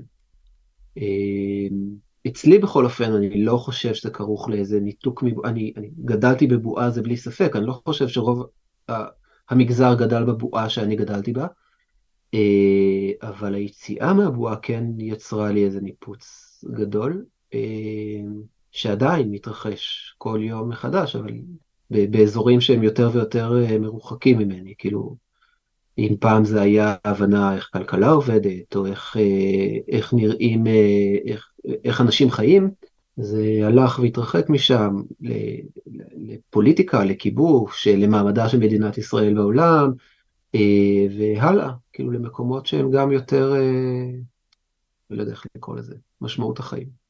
הולך ומתרחק. במה, איפה, איפה נמצאת כרגע התחושה שלך לגבי משמעות החיים? כרגע אני הורה בכל רמ"ח איבריי ושס"ה גידיי, אני כאילו, ההורות אה, אוחזת בי בכל שעה ביום, גם כשהילדים במסגרות, זה בעיקר התחושה שלי. אוקיי. Okay. שבסוף אנחנו קצת... אה, איך החוויה מין, של... מין ביולוגי שכזה שצריך להביא ילדים, כי הביולוגיה דוחפת אותו להביא ילדים, וגם הוא משתמש באמצעי מניעה, עדיין הביולוגיה דוחפת אותו להביא ילדים, כן. וכנראה איפשהו המשמעות שלו כרוכה בלהמשיך להביא ילדים ולהיות כאילו בקהילה, במשפחה, בכזה. איך החוויה של להביא ילדים ולגדל אותם בהשוואה לחוויה של אה, יצירה ספרותית והוצאה שלה לעולם? זה לא קשור. אני לא חושב שזה קשור. אני, אני, שתיהן חוויות חיים משמעותיות של יצירה ו, ו, ובריאה. אה, באחד אתה בורא אדם שהוא עולם ומלואו, ובשני אתה בורא יצירה ספרותית, שהיא גם עולם ומלואו. אה, הן ברות השוואה בעיניך? זאת אומרת, אתה מודד אותן אחת ביחס לשני, לשנייה? התחושה של הוורידים שתיארת קודם לגבי כתיבה של סיפור טוב, דומה במשהו לחוויה ההורית? לא. אוקיי. Okay. לא, החוויה ההורית הייתה מאוד כאילו, כאילו נפתח לי פתאום איזה חלון אה, וגיליתי עולם שלם של רגשות שלא היה, לא, לא הכרתי בו עד עכשיו. כן. לא ידעתי שאפשר לאהוב ככה, לא ידעתי שאפשר להתעצבן ככה, לא ידעתי שאפשר להתאכזב ככה, לא ידעתי שאפשר לקוות ככה. כל הרגשות האלה פשוט לא הכרתי אותם. ידעתי, אנשים דיברו על זה, קראתי עליהם, ראיתי אותם בסרטים, אבל לא הבנתי אותם. ופתאום כאילו זה, זה היה איזו התפוצצות רגשית כזו של אני לא יודע, אין לי מילים אפילו בשביל להבין מה הרגשות שאני חווה כרגע ולמה אני חווה אותם בעוצמה הזאת. כן, יפה. הוצאת ספר היא הוצאת ספר. כאילו זה דבר נחמד ואני מאוד אוהב לעשות אותו ו... וזה חוויה, יש בה גם פן מאוד מרומם רוח וזה זה משמח בהרבה מאוד מובנים, אבל אתה יודע, הספר לא צריך שתקום אליו בלילה, כאילו... הוא לא, אתה לא, אני לא ממשיך ללכת עם הספר הזה הלאה, הוא משהו שעשיתי, אני שמח בו, אפשר לקנות אותו, סבבה, הכל טוב. יפה. Um, לפודקאסט הזה יש קבוצת פייסבוק שנקראת פורום החיים עצמם של גיקונומי, ואתמול uh, פרסמתי שאתה הולך להיות האורח שלנו, uh, כמו שאני עושה לפני כל פרק, והזמנתי את המאזינים שלנו לשאול אותך שאלות. אז ברשותך אני אעבור לכמה שאלות מהפורום. אה, באופן מפתיע, אגב, אני לא יודע אם זה, אם זה יפתיע אותך או לא, אני סקרן מה תחשוב. אה, חלק גדול מהאנשים שכתבו אה, תגובות, הדבר הראשון שהם כתבו זה איזה כיף. זאת אומרת שהחוויה שלי להיפגש איתך היא קודם כל כיף עבורי. וזה משהו שאני לא זוכר שכתבו לי על אורחים אחרים, זה מפתיע אותך? זה משמח אותי.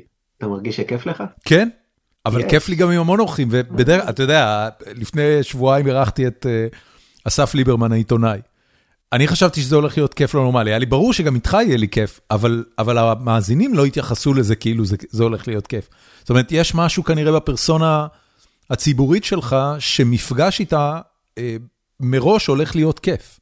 זה, זה מפתיע אותי, כן, אני מאוד שמח שזה, שזה הפרסונה הציבורית שלי, וכאילו, אני עכשיו, בא לי לראות מהאנשים האלה וכזה להגיד להם, יו, אני גם שמח שאתם מקשיבים. אז ככה, אני, אה, לא... אני אתחיל, עוז בן נון אה, כתב, אה, קודם כל תמסור לו המון הערכה ואהבה, אשמח לשמוע ממנו, אחד, מה אתה אוהב לקרוא, זה אני מפנה אליך, אה, ושתיים, האם האמנת שתצליח להתפרסם מכתיבה, ומה היה הפלן בי שלך? אז אחד, אה, קודם כל, מה העניינים? אתה מכיר אותו? לא. אה, אוקיי. לא, אבל בסדר, בן אדם. כן, לגמרי.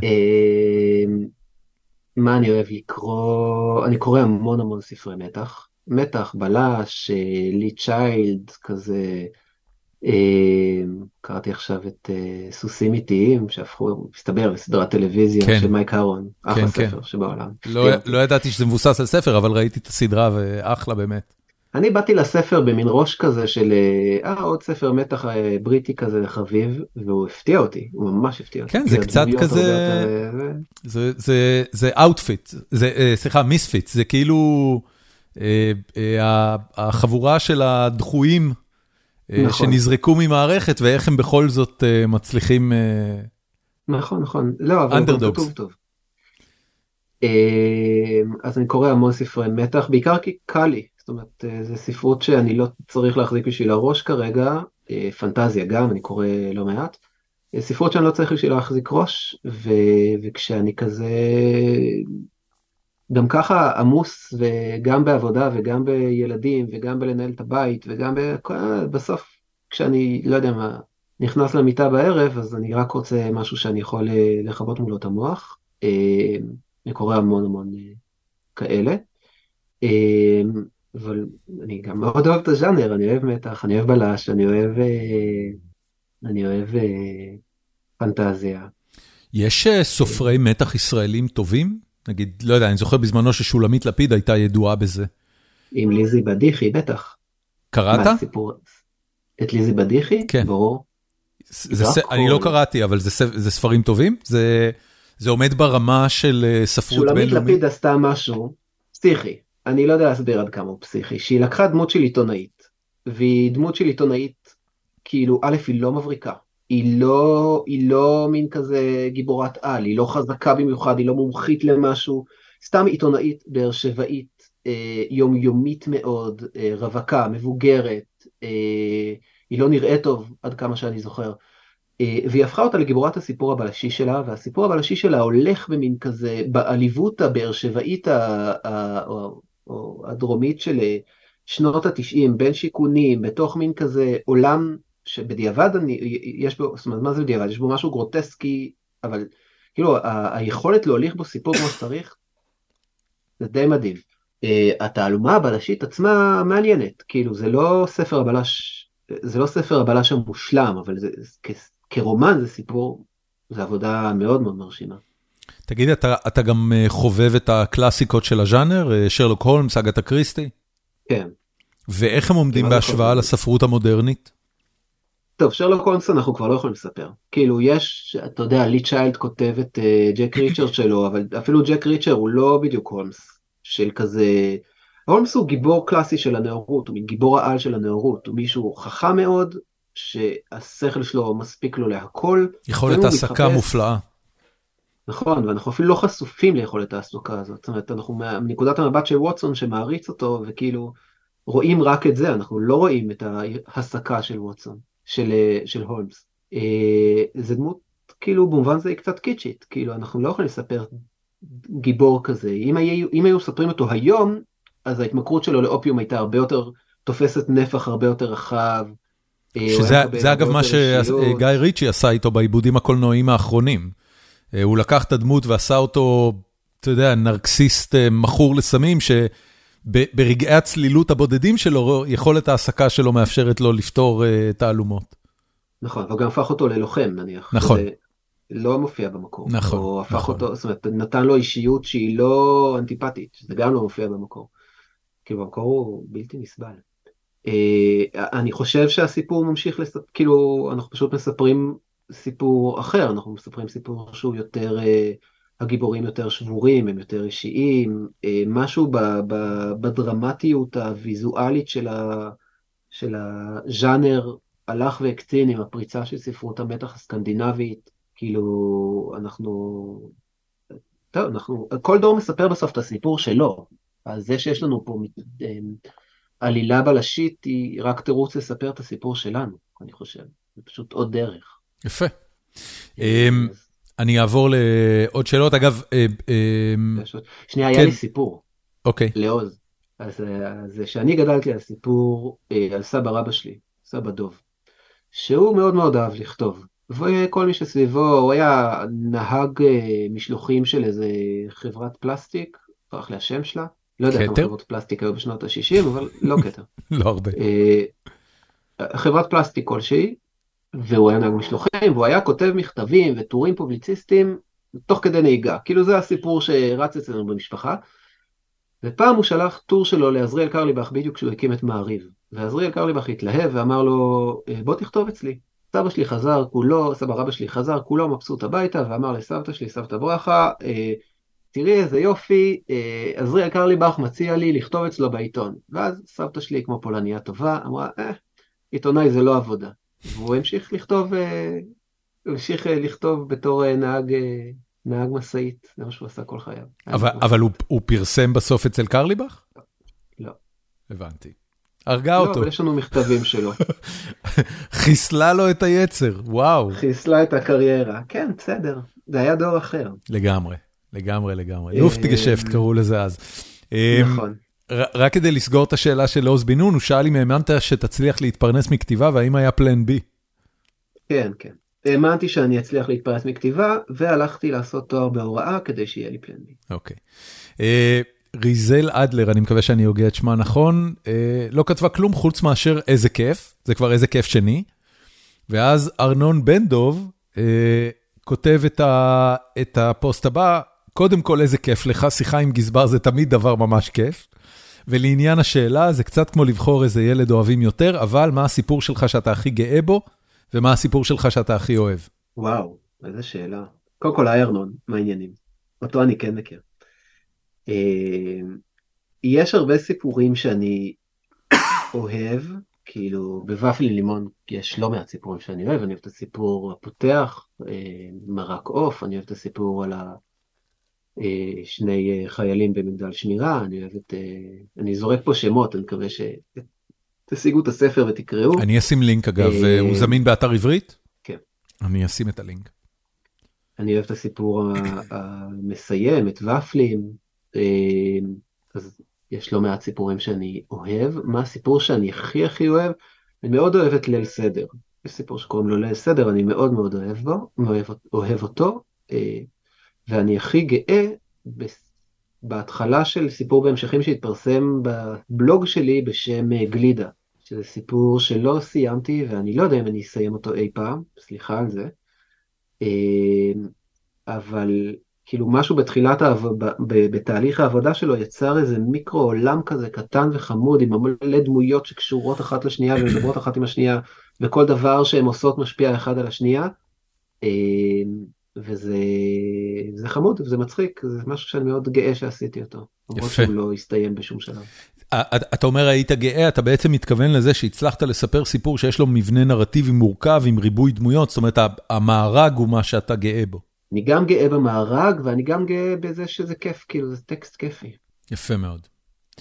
אמ, הלאה, אוריאל אופיר אה, כמובן פותח באיזה כיף, ואז אומר, אה, תשאל אותו מה דעתו על ישיבת הר המור, הרב טאו, מפלגת נועם וכל זה. וואו, איזה שאלה. אין לי המון דעות בנושא, אני סתם בן אדם בהקשר הזה. אני כאילו לא מכיר במיוחד לא את ישיבת הר המור ולא את הרב טאו ולא את כל הדברים האלה. אין לי איזה מומחיות, אפילו לא למדתי שם. כאילו, אני לא יודע מה להגיד מעבר אתה, לזה שאני לא חושב כמוהם. אוקיי. הם, אה, אה, אתה יודע, אולי בגלל הקיצוניות של הדעות שלהם, הם הפכו לאיזושהי... אה, איזושהי דוגמה לכמה גרוע וגזעני ואלים יכול להיות המגזר הדתי-לאומי, ואני רק אשאל, בתוך, בתוך הבית שבו אתה גדלת, איזה מקום או, או יחס היה לאידיאולוגיות כאלה? טוב, אז גדלתי בבית, קודם כל אוהב אדם, אני חושב שזה חשוב להגיד. כאילו החיבה שלי לספרות לא צמחה בחלל ריק, וגם הנטייה, אני מקווה שאני כאילו, זה מוזר להגיד, להעיד על עצמי שאני הומניסט, אבל הנטייה ההומניסטית שלי היא גם לא צמחה בחלל ריק.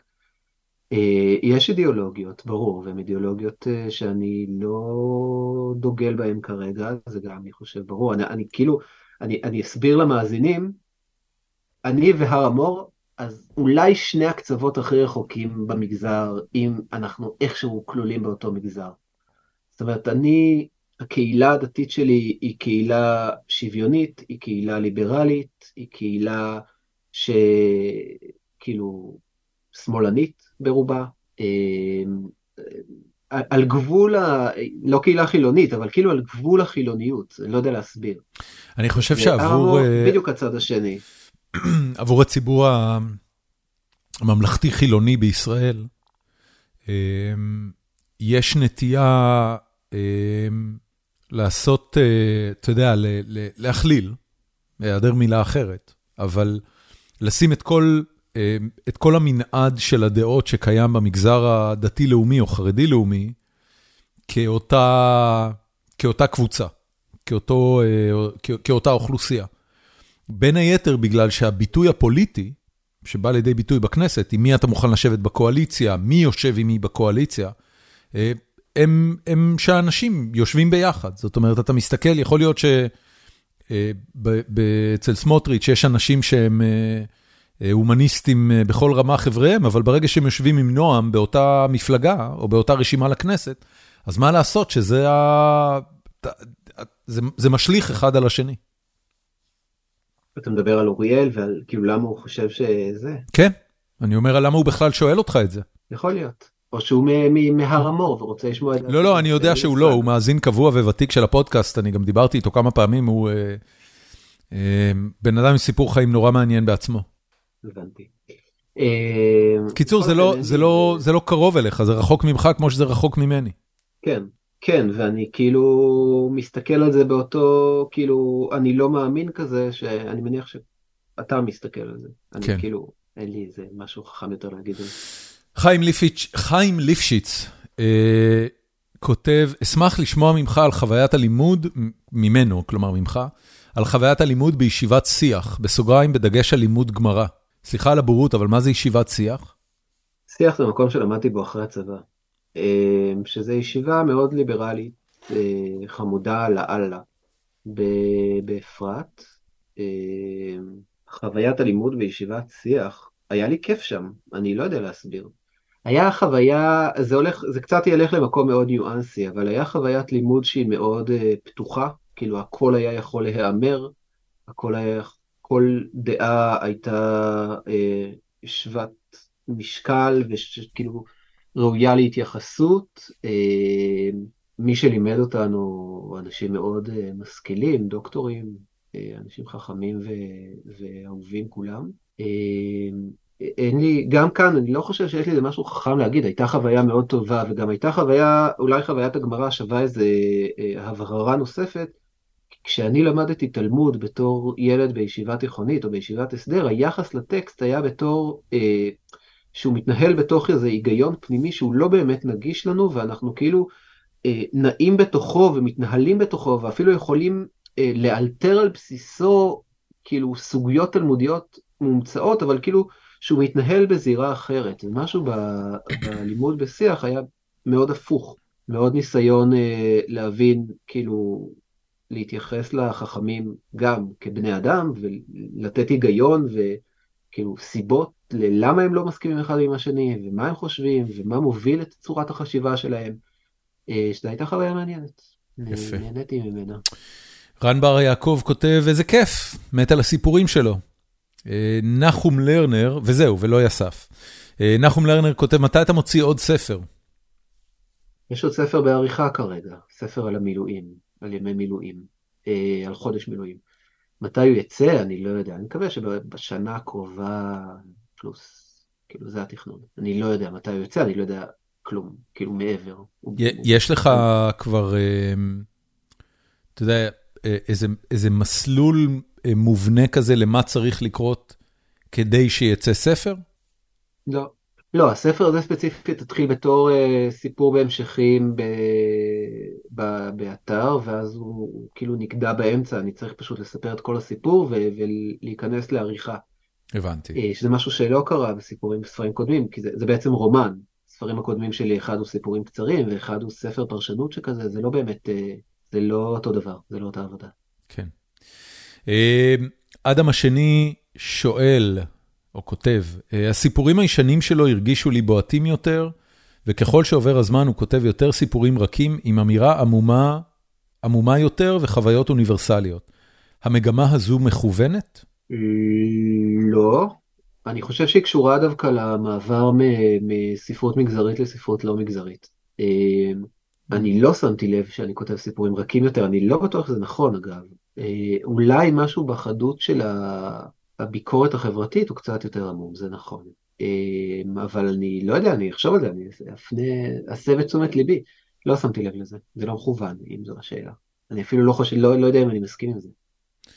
אני יכול להגיד לך שהיו לי תקופות בחיים שבהם כתבתי הרבה יותר בפייסבוק, וגם הייתי יותר, mm-hmm. אה, גם יותר נחרץ וגם יותר אה, אה, תקיף. וככל שחולפות השנים, זה הולך ונעלם לי, עד לרמה שבשנה האחרונה היחס בין פוסטים שכתבתי ואז מחקתי לפני שפרסמתי, לבין פוסטים שפרסמתי, עומד על בערך 1 ל-20. אני מוצא את עצמי וואו. כמעט על בסיס יומי, כותב איזה משהו ואז אומר, רגע, אבל אני לא באמת מסכים עם האמירה הזאת, וזה מתעלם מהקבוצה הזאת, או מההתנהגות הזאת, או מהמצב הזה, או... זה קצת מטומטם מדי, ואז אני אומר, אוקיי, עזוב, מוחק, ושוכח ועובר הלאה. אה, זה קורה לי יותר ויותר. תבוא לכתוב סיפורים. אה, יכול להיות שזה התשובה. אני חושב שמה שנחמד בסיפורים זה באמת שהם לא מחויבים לאיזה אמירה חד משמעית. בסוף סיפורים מדברים על רגשות. נכון. הם לא מדברים על מסרים, ואז כשאנחנו מתעסקים ברגשות הכל הופך להיות באמת פחות, אה, אנחנו לא מתחייבים לנכונות של האמירה הזו כמו שאנחנו מתחייבים לנכונות של הרגשות האלה או לכנותם. נכון. אה, שזה משהו שהוא יותר קל מבחינתי, כאילו אני לא יודע אם אני אצליח לעמוד מאחורי אמירה פוליטית, כאילו חד משמעית, שזה הדבר הנכון לעשות כרגע, אין לי שם אצל מושג, כן, אבל כן, כן. לתווך את הרגשות שמניעים את החשיבה שלי זה משהו שאני כן יכול לעשות, אה, וגם משתדל לעשות.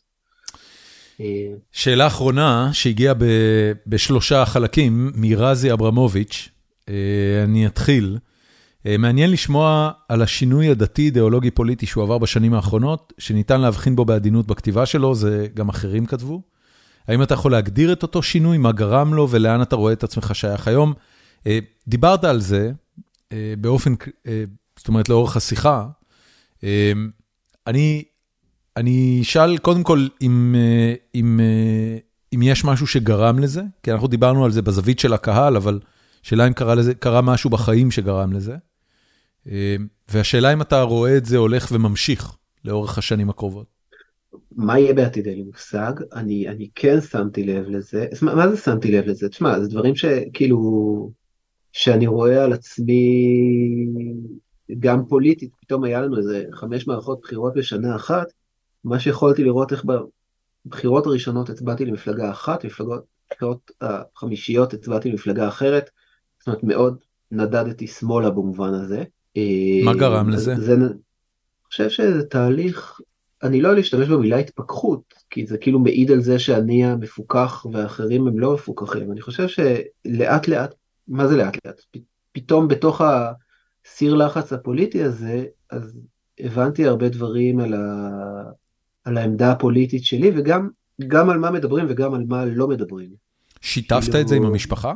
לא מיוחד, המשפחה שלי לא מאוד עסוקה פוליטית. ולא, אין שיחות פוליטיות, כאילו, בלי קשר אליי, אז ובאופן דיפולטי, פתאום... אה, רגע, ובאופן דיפולטי המשפחה מצביעה למפלגות מהמגזר, או שהיא מצביעה כמוך היום שמאלה משם. לא שמאלה ממני לדעתי, אני לא, אני לא יודע מה זה באופן מסורתי. חלק מהמשפחה שלי מצביעים למשפחה למפלגות מגזריות, זה אני יודע, וחלק לא, כאילו. תשמע, משפחה גדולה, לא דיברנו על זה, אבל אנחנו שמונה אחים, כאילו. רק אחים או, או גם אחיות? אחות אחת ושבעה אחים. וואו. ומה כל, כולם עושים? אה, מורה, אדריכל, אה, אני, ליתר דיוק, מורה, אני, אדריכל, אה, יועץ חינוכי, כאילו שהוא רם בישיבה, שהוא גם מלמד באיזה ישיבה, אה, כלכלן, אה, וזהו, האחרים אה, צעירים מדי, חייל. זה מקסים. אה, אני אעבור לחלק הבא בשאלה של אה, רזי. אה, בהיבט, בהיבט המקצועי, ככותב שעושה גם בכתיבה עסקית, איך אתה רואה את השילוב בין כתיבה ספרותית לכתיבה עסקית? מה מבדיל ביניהם? ומה נדרש ממך, מה נדרש ממך להפעיל כדי ליצור בכל אחד מהתחומים? וואי, שאלה מצוינת. תראה מה זה, רזי. תודה רזי. המאזינים של גיקונומי הכי חכמים בעולם, אני מוצא את עצמי אומר את זה שוב ושוב בפרקים. אני כל פעם מופלא לגמרי מהשאלות האלה. קודם כל, כתיבה שיווקית לא קורית בחלל הריק. כאילו גם כתיבה ספרותית לא, אבל כתיבה ספרותית באיזשהו מקום יש לי יותר אוטונומיה, אני לא מחויב לתוצאות, אני לא מחויב ל... ללקוח, אני לא מנסה לדייק משהו לקהל, אני לא עושה את סוג, זה לא אותו סוג מחקר, שוק מחקר, זה לא עובד על אותו דבר. כתיבה שיווקית בסוף נמדדת, ממש נמדדת בצורה מאוד מאוד ברורה. אה, אם זה עובד זה עובד, אם זה לא עובד אה, מתקנים, כאילו חוזרים ועושים אה, זה.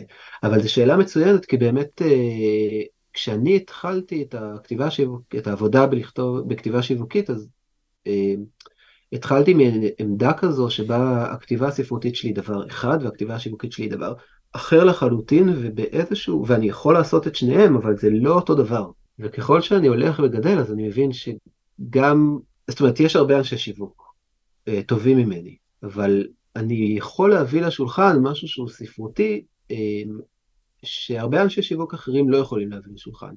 או משהו בהבנה שלי של סיפורים, ואיך סיפורים עובדים, ומה בהם מפעיל איזה רגש, ולמה אנחנו בכלל אוהבים להקשיב להם, ומה אנחנו רוצים מהם. אה, כל הדברים האלה שהם כאילו באו בכלל מזווית ספרותית, אבל בסוף יש להם יישומים מאוד, דווקא בעסקים יש להם יישומים מאוד כאילו, שפתאום אני אומר, וואי, כן, זה יעבוד, אם זה עובד כמו סיפור מתח. טוב, אני מדבר קצת באוויר, אז אני אתן דוגמה, אבל נניח, מה שעושים בסיפור בלשי, הקלאסה של סיפור בלשי זה להציב את האלומה על העמוד הראשון. זאת אומרת, אנחנו, איזה מין מוסכמה כזו של אנחנו לא יודעים שום דבר על הבלש, אנחנו לא יודעים שום דבר על כלום, מישהו דופק בדלת, טה-טה-טם, נכנסת בחורה בשמלה אדומה, אחותי נרצחה והיהלום שלי נגנב. כזה. כן. זאת אומרת, אנחנו מתחילים מיד עם שאלה, והשאלה הזאת, מה יהיה בסוף, מחזיקה אותנו, יכולה להחזיק אותנו, אתה יודע, שמונה עונות אנחנו מחזיקים עם השאלה של מה קורה במשחקי הכס. מחזיקים צמודים לקצה הכיסא מרוב מתח על שאלה, אנחנו רק רוצים לדעת מה התשובה לשאלה. כן, יש, אה, ראיתי, לא שרדתי הכל, אבל ראיתי סדרה בשם Blacklist שהייתה בנטפליקס, אולי עדיין בנטפליקס, שהיא מתחילה מאיזה שאלה, איזה דמות כאילו מופיעה, הפושע הכי גדול בעולם נתפס, הוא מוכן לדבר רק עם איזה אנליסטית, אה, כאילו סופר אה, זוטרה ב-FBI. וכל הסדרה בעצם נעה סביב השאלה מה, מה הקשר ביניהם בעצם, מה הוא רוצה ממנה ומה, ומה, למה דווקא היא. זו סדרה סופר מותחת, אני לא הצלחתי לשרוד עד הסוף כי אמרתי לעצמי אני לא מצליח להחזיק, הם סתם מותחים אותי, אני לא מצליח להחזיק מרוב מתח, אני אחתוך על זה ואני אלך כדאי. זו סדרה סופר מותחת. אתה אתה ראית את uh, שתיקת הכבשים? לא. אוקיי. זה האב טיפוס של שתיקת הכבשים, מה שתיארת קודם. זה מערכת יחסים שנוצרת בין uh, מתלמדת ב-FBI ל... לרוצח סדרתי פסיכופת, שדרך מערכת היחסים היא מצליחה לתפוס רוצח פסיכופת אחר. הבנתי, אז אותו עיקרון. כן. עכשיו, אני שיחקתי עם הז'אנר הזה לא מעט, ניסיתי להבין את המכניקה של איך הדבר הזה עובד, איך אנחנו מתחילים סיפור ובום, נשאבים פנימה ונשארים בתוכו, ולמה? ותרגלתי וכתבתי והרציתי ופרסמתי בלה בלה בלה בלה בלה בלה, בסוף כאילו אתה שומע הרצאת ט' טובה, היא תעבוד בדיוק על אותו עיקרון. מישהו יבוא, יגיד, אה, ישאל שאלה, יגיד, אה, לפני שנתיים מצאו מדענים גילו שהחומר הכי חזק בעולם הוא קורי עכביש, איך זה יכול להיות? סתם, זרקתי, אוקיי? או אה, גיליתי שאני, זה הרצאת TED שראיתי לאחרונה, ראיתי שאני אה, דחיין, ראיתי שאני מדחיין את חיי, וניסיתי להבין למה זה קורה ואיך אני, אני יוצא מזה. האם יש דרך לצאת מזה? אוקיי, מתחיל מציב שאלה, בום, אנחנו נצמדים לכיסא, נשארים איתו עד סוף הרצאה. כן. אתה יכול להגיד מה שבא לו באמצע, הוא יכול להגיד, הוא יכול לקשקש, יכול למכור לנו את הקורס המקוון שלו, הוא יכול, לא יודע מה, להסביר שיטות לחצילים על האש, כאילו מה שהוא יעשה, אנחנו עדיין נשאר דרוכים, כי יש פה שאלה שמחכה לתשובה. אז בסוף זה, יש המון מכניקות. זה גם עניין של השאלה. השאלה שהצגת עם עניין הדחיינות, היא שאלה שמעסיקה, אתה יודע, היא, היא בבסיס החוויה האנושית. למה אנחנו לא עושים את מה שאנחנו צריכים לעשות? זאת אומרת, זה צריך להיות שאלה בוערת באמת. או שאלה שהיא מספיק מסקרנת, שכאילו בונים מספיק את זה של כאילו איך זה קרה, כדי שנגיד, וואי, אני רוצה לדעת איך זה קרה. או מה קרה כאן. אז זה לא חייב להיות שאלה שממש יושבת לנו על איזה מקום אישי של אני דחיין ואני רוצה לפתור את הדחיינות שלי. זה יכול להיות סתם שאלה שמסקרנת אותנו, כן? אה, לא יודע מה. אה, מה המפל הכי רחב בעולם? מה הנהר עם הכי הרבה ספיק, ספיקת, אני מדבר על כאילו, אתה יודע, באז כאלה. כן. ה clickbaits של, אה, של טאבולה, שאנחנו ממשיכים, נכנסים, נכנסים, נכנסים, נכנסים, כן, כי כן, זה, כן. השאלה מצמידה אותנו, אז בסוף יש משהו במכניקה הספרותית הבסיסית של איך storytelling עובד, איך סיפור עובד, אה, שאני משתמש בו כל הזמן, שוב ושוב, גם בכתיבה, גם בטקסטים שיווקיים, או גם כשאני יושב עכשיו, כותב סיפור לאיזה סטארט-אפ שמתעסק כאילו במשהו סופר טכנולוגי, ברגע שאני קולט, כאילו, אחרי הרבה הרבה עבודה, אבל מוצאים את הרגשות, מוצאים מה הקהל מרגיש, איך מגיבים לזה, למה ככה, כאילו בונים את זה כמו, כמו סיפור רגיל. מטבע הדברים זה פחות כאילו אני, זה לא, אני, אני לא מוציא את הקישקע שלי, מניח על השולחן, אומר לה, קורא, הנה תקרא, זה מי שאני. זה סיפור. כן. אבל הוא עובד. אמ, השאלה האחרונה של אה, רזי אברמוביץ', ובזה נסיים, כסופר מעניין לשמוע על תהליכי הכתיבה שלך, האם אתה מערוכים שוב ושוב, מהכותבים ביום או בלילה, האם אתה שואב השראה מכתיבה של אחרים, או מתרחק מכתיבה של אחרים? קודם כל, ברור ששואב השראה. שואב השראה, אה, אוקיי. כן, חד משמעית. יש אפילו, אני מאוד אוהב את אה, דיוויד פוסטר וולאס, שהוא סופר אה, הוא יותר מסעי, כן, הוא כותב מסעות מדהים, כן. אבל הוא גם סופר. ו... כן, כן, כן. אדם חכם, ואני מאוד אוהב אותו, והרבה פעמים כשאני נתקע בכתיבה שלי, אני כאילו חוזר... What would David Foster Wallace do? אני ממש פותח את הספרים, כאילו מין כזה, פותח אקראית, קורא איזה שלושה עמודים, חושב רגע רק כדי לפקס את אה, צורת החשיבה שלי באיזושהי צורה. כן. אה, אז כן, אני שואב הרבה השראה, מהמון, לא רק, לא רק ממנו, אני שואב מהרבה, מכל מי שאני יכול, גונב מכל מי שאני יכול. האם אני עורך הרבה? לא, אני לא עורך הרבה. לצערי, לשמחתי, אני לא יודע, אני קצת עצלן במובן הזה, כאילו אין לי כוח לערוך שוב ושוב ושוב ושוב ושוב. מטבע הדברים, ככל שהסיפור הולך ומתארך, ככה אין ברירה אלא לערוך אותו, כי אחרת פשוט יקרוס, הוא לא יצליח להחזיק, כי, כי לא יודע, פתחתי חוט עלילה ולא סגרתי אותו, אני צריך לחזור כדי לסגור אותו, כדי למחוק אותו, לעשות, לארגן את זה. אבל, אה, אבל סיפורים קצרים אני כותב וישר, כאילו, לוחץ פאבליש. אה, יפה. משהו כזה. מה לגבי יום או לילה? אני כותב כשיש לי זמן, כאילו זה לא... כשהילדים נחים. אני כותב ביום, בדיוק, כשהילדים נחים ואין לי כרגע עבודה, אה, מאוד עזר לי שמקור ראשון הזמינו בזמנו, הם עדיין הזמינו, כאילו הם הזמינו ממני טור, והטור הזה, בהתחלה עשיתי ממנו סיפור בהמשכים, אז פעם בשבוע הייתי עובד ביום, והייתי יושב כותב סיפור ואומר לעצמי, טוב, משלמים לי על זה, אני כאילו עובד עכשיו, איזה כיף, אני כותב סיפור ואני עובד. כן. זה ממש מלאכה, אתה אומר. זה בדיוק. לא, זה עבודה שלגיטימי לעשות בין 8 ל-4. כן, כן, כן, כן. אני, אני במשך תקופה ארוכה בחיי הייתי אה, אה, מבקר משחקי וידאו, היה לי אתר שהקמתי וניהלתי. ואז אה, הייתי יושב ומשחק באמצע היום משחקי וידאו, ואשתי הייתה שואלת מה קורה. הייתי אומר לה, אני עושה תחקיר מאוד חשוב עכשיו, אני צריך לכתוב על זה. מהמם. כן, טוב, זה כמו שכל... אה, טוב, לא נגיד את זה כאן. למה?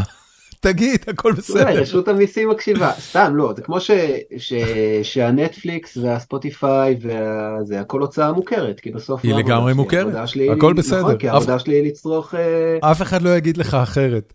תאמין לי, לרשות המיסים אין. בעיה עם הנטפליקס שלך, יש להם בעיה עם לא, דברים. בסדר גודל אחר לגמרי. אין לי ספק. אמ, יהודה, קודם כל תודה רבה על השיחה הזאת. כן, אמ, היה לי כיף. אני נורא שמח, הנה אתה רואה, לך היה כיף, לי היה כיף. אה, מה נקדם? אני אשים לינק לספרים שלך באתר עברית. מה נקדם? קודם כל נקדם את העבודה שלי. שאם אתם צריכים סיפור, או צריכים פיץ', או צריכים מצגת, או צריכים כאילו להכניס קצת רגשות לתוך הטקסטים, המוצר שלכם, הדברים שלכם, אה, אז זה משהו שאני עושה, ואני חושב שאפילו אני עושה אותו טוב, אה, ואני נהנה ממנו, וזה כיף. אתם ממש מוזמנים. ויש לי מועדון כתיבה, שהוא, כמעט לא דיברנו על זה, כאילו לא דיברנו על העבודה שלי כמנחה, כאדם שמלווה כתיבה של אחרים.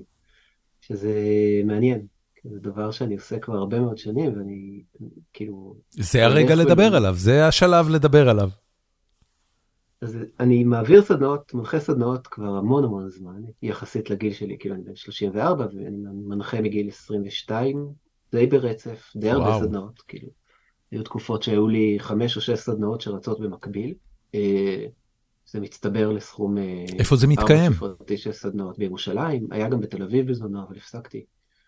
אה, בזום הייתה תקופה ארוכה. זה חוויה, כאילו, זה חוויה, חוויית הלא אני כותב כרגע, מישהו אחר כותב כרגע, ואני רק מלווה אותו בניסיון להוציא ממנו את הדבר הכי טוב שהוא יכול להוציא. אה, ואני צריך לדעת לקחת צעד אחורה, וגם, או לדעת להניח את האצבע על המקומות שבהם הוא יכול להשתפר, והמקומות שבהם זה הסגנון האישי שלו, וזה כאילו, אין, אין, לא צריך לגעת בזה, אסור לגעת בזה.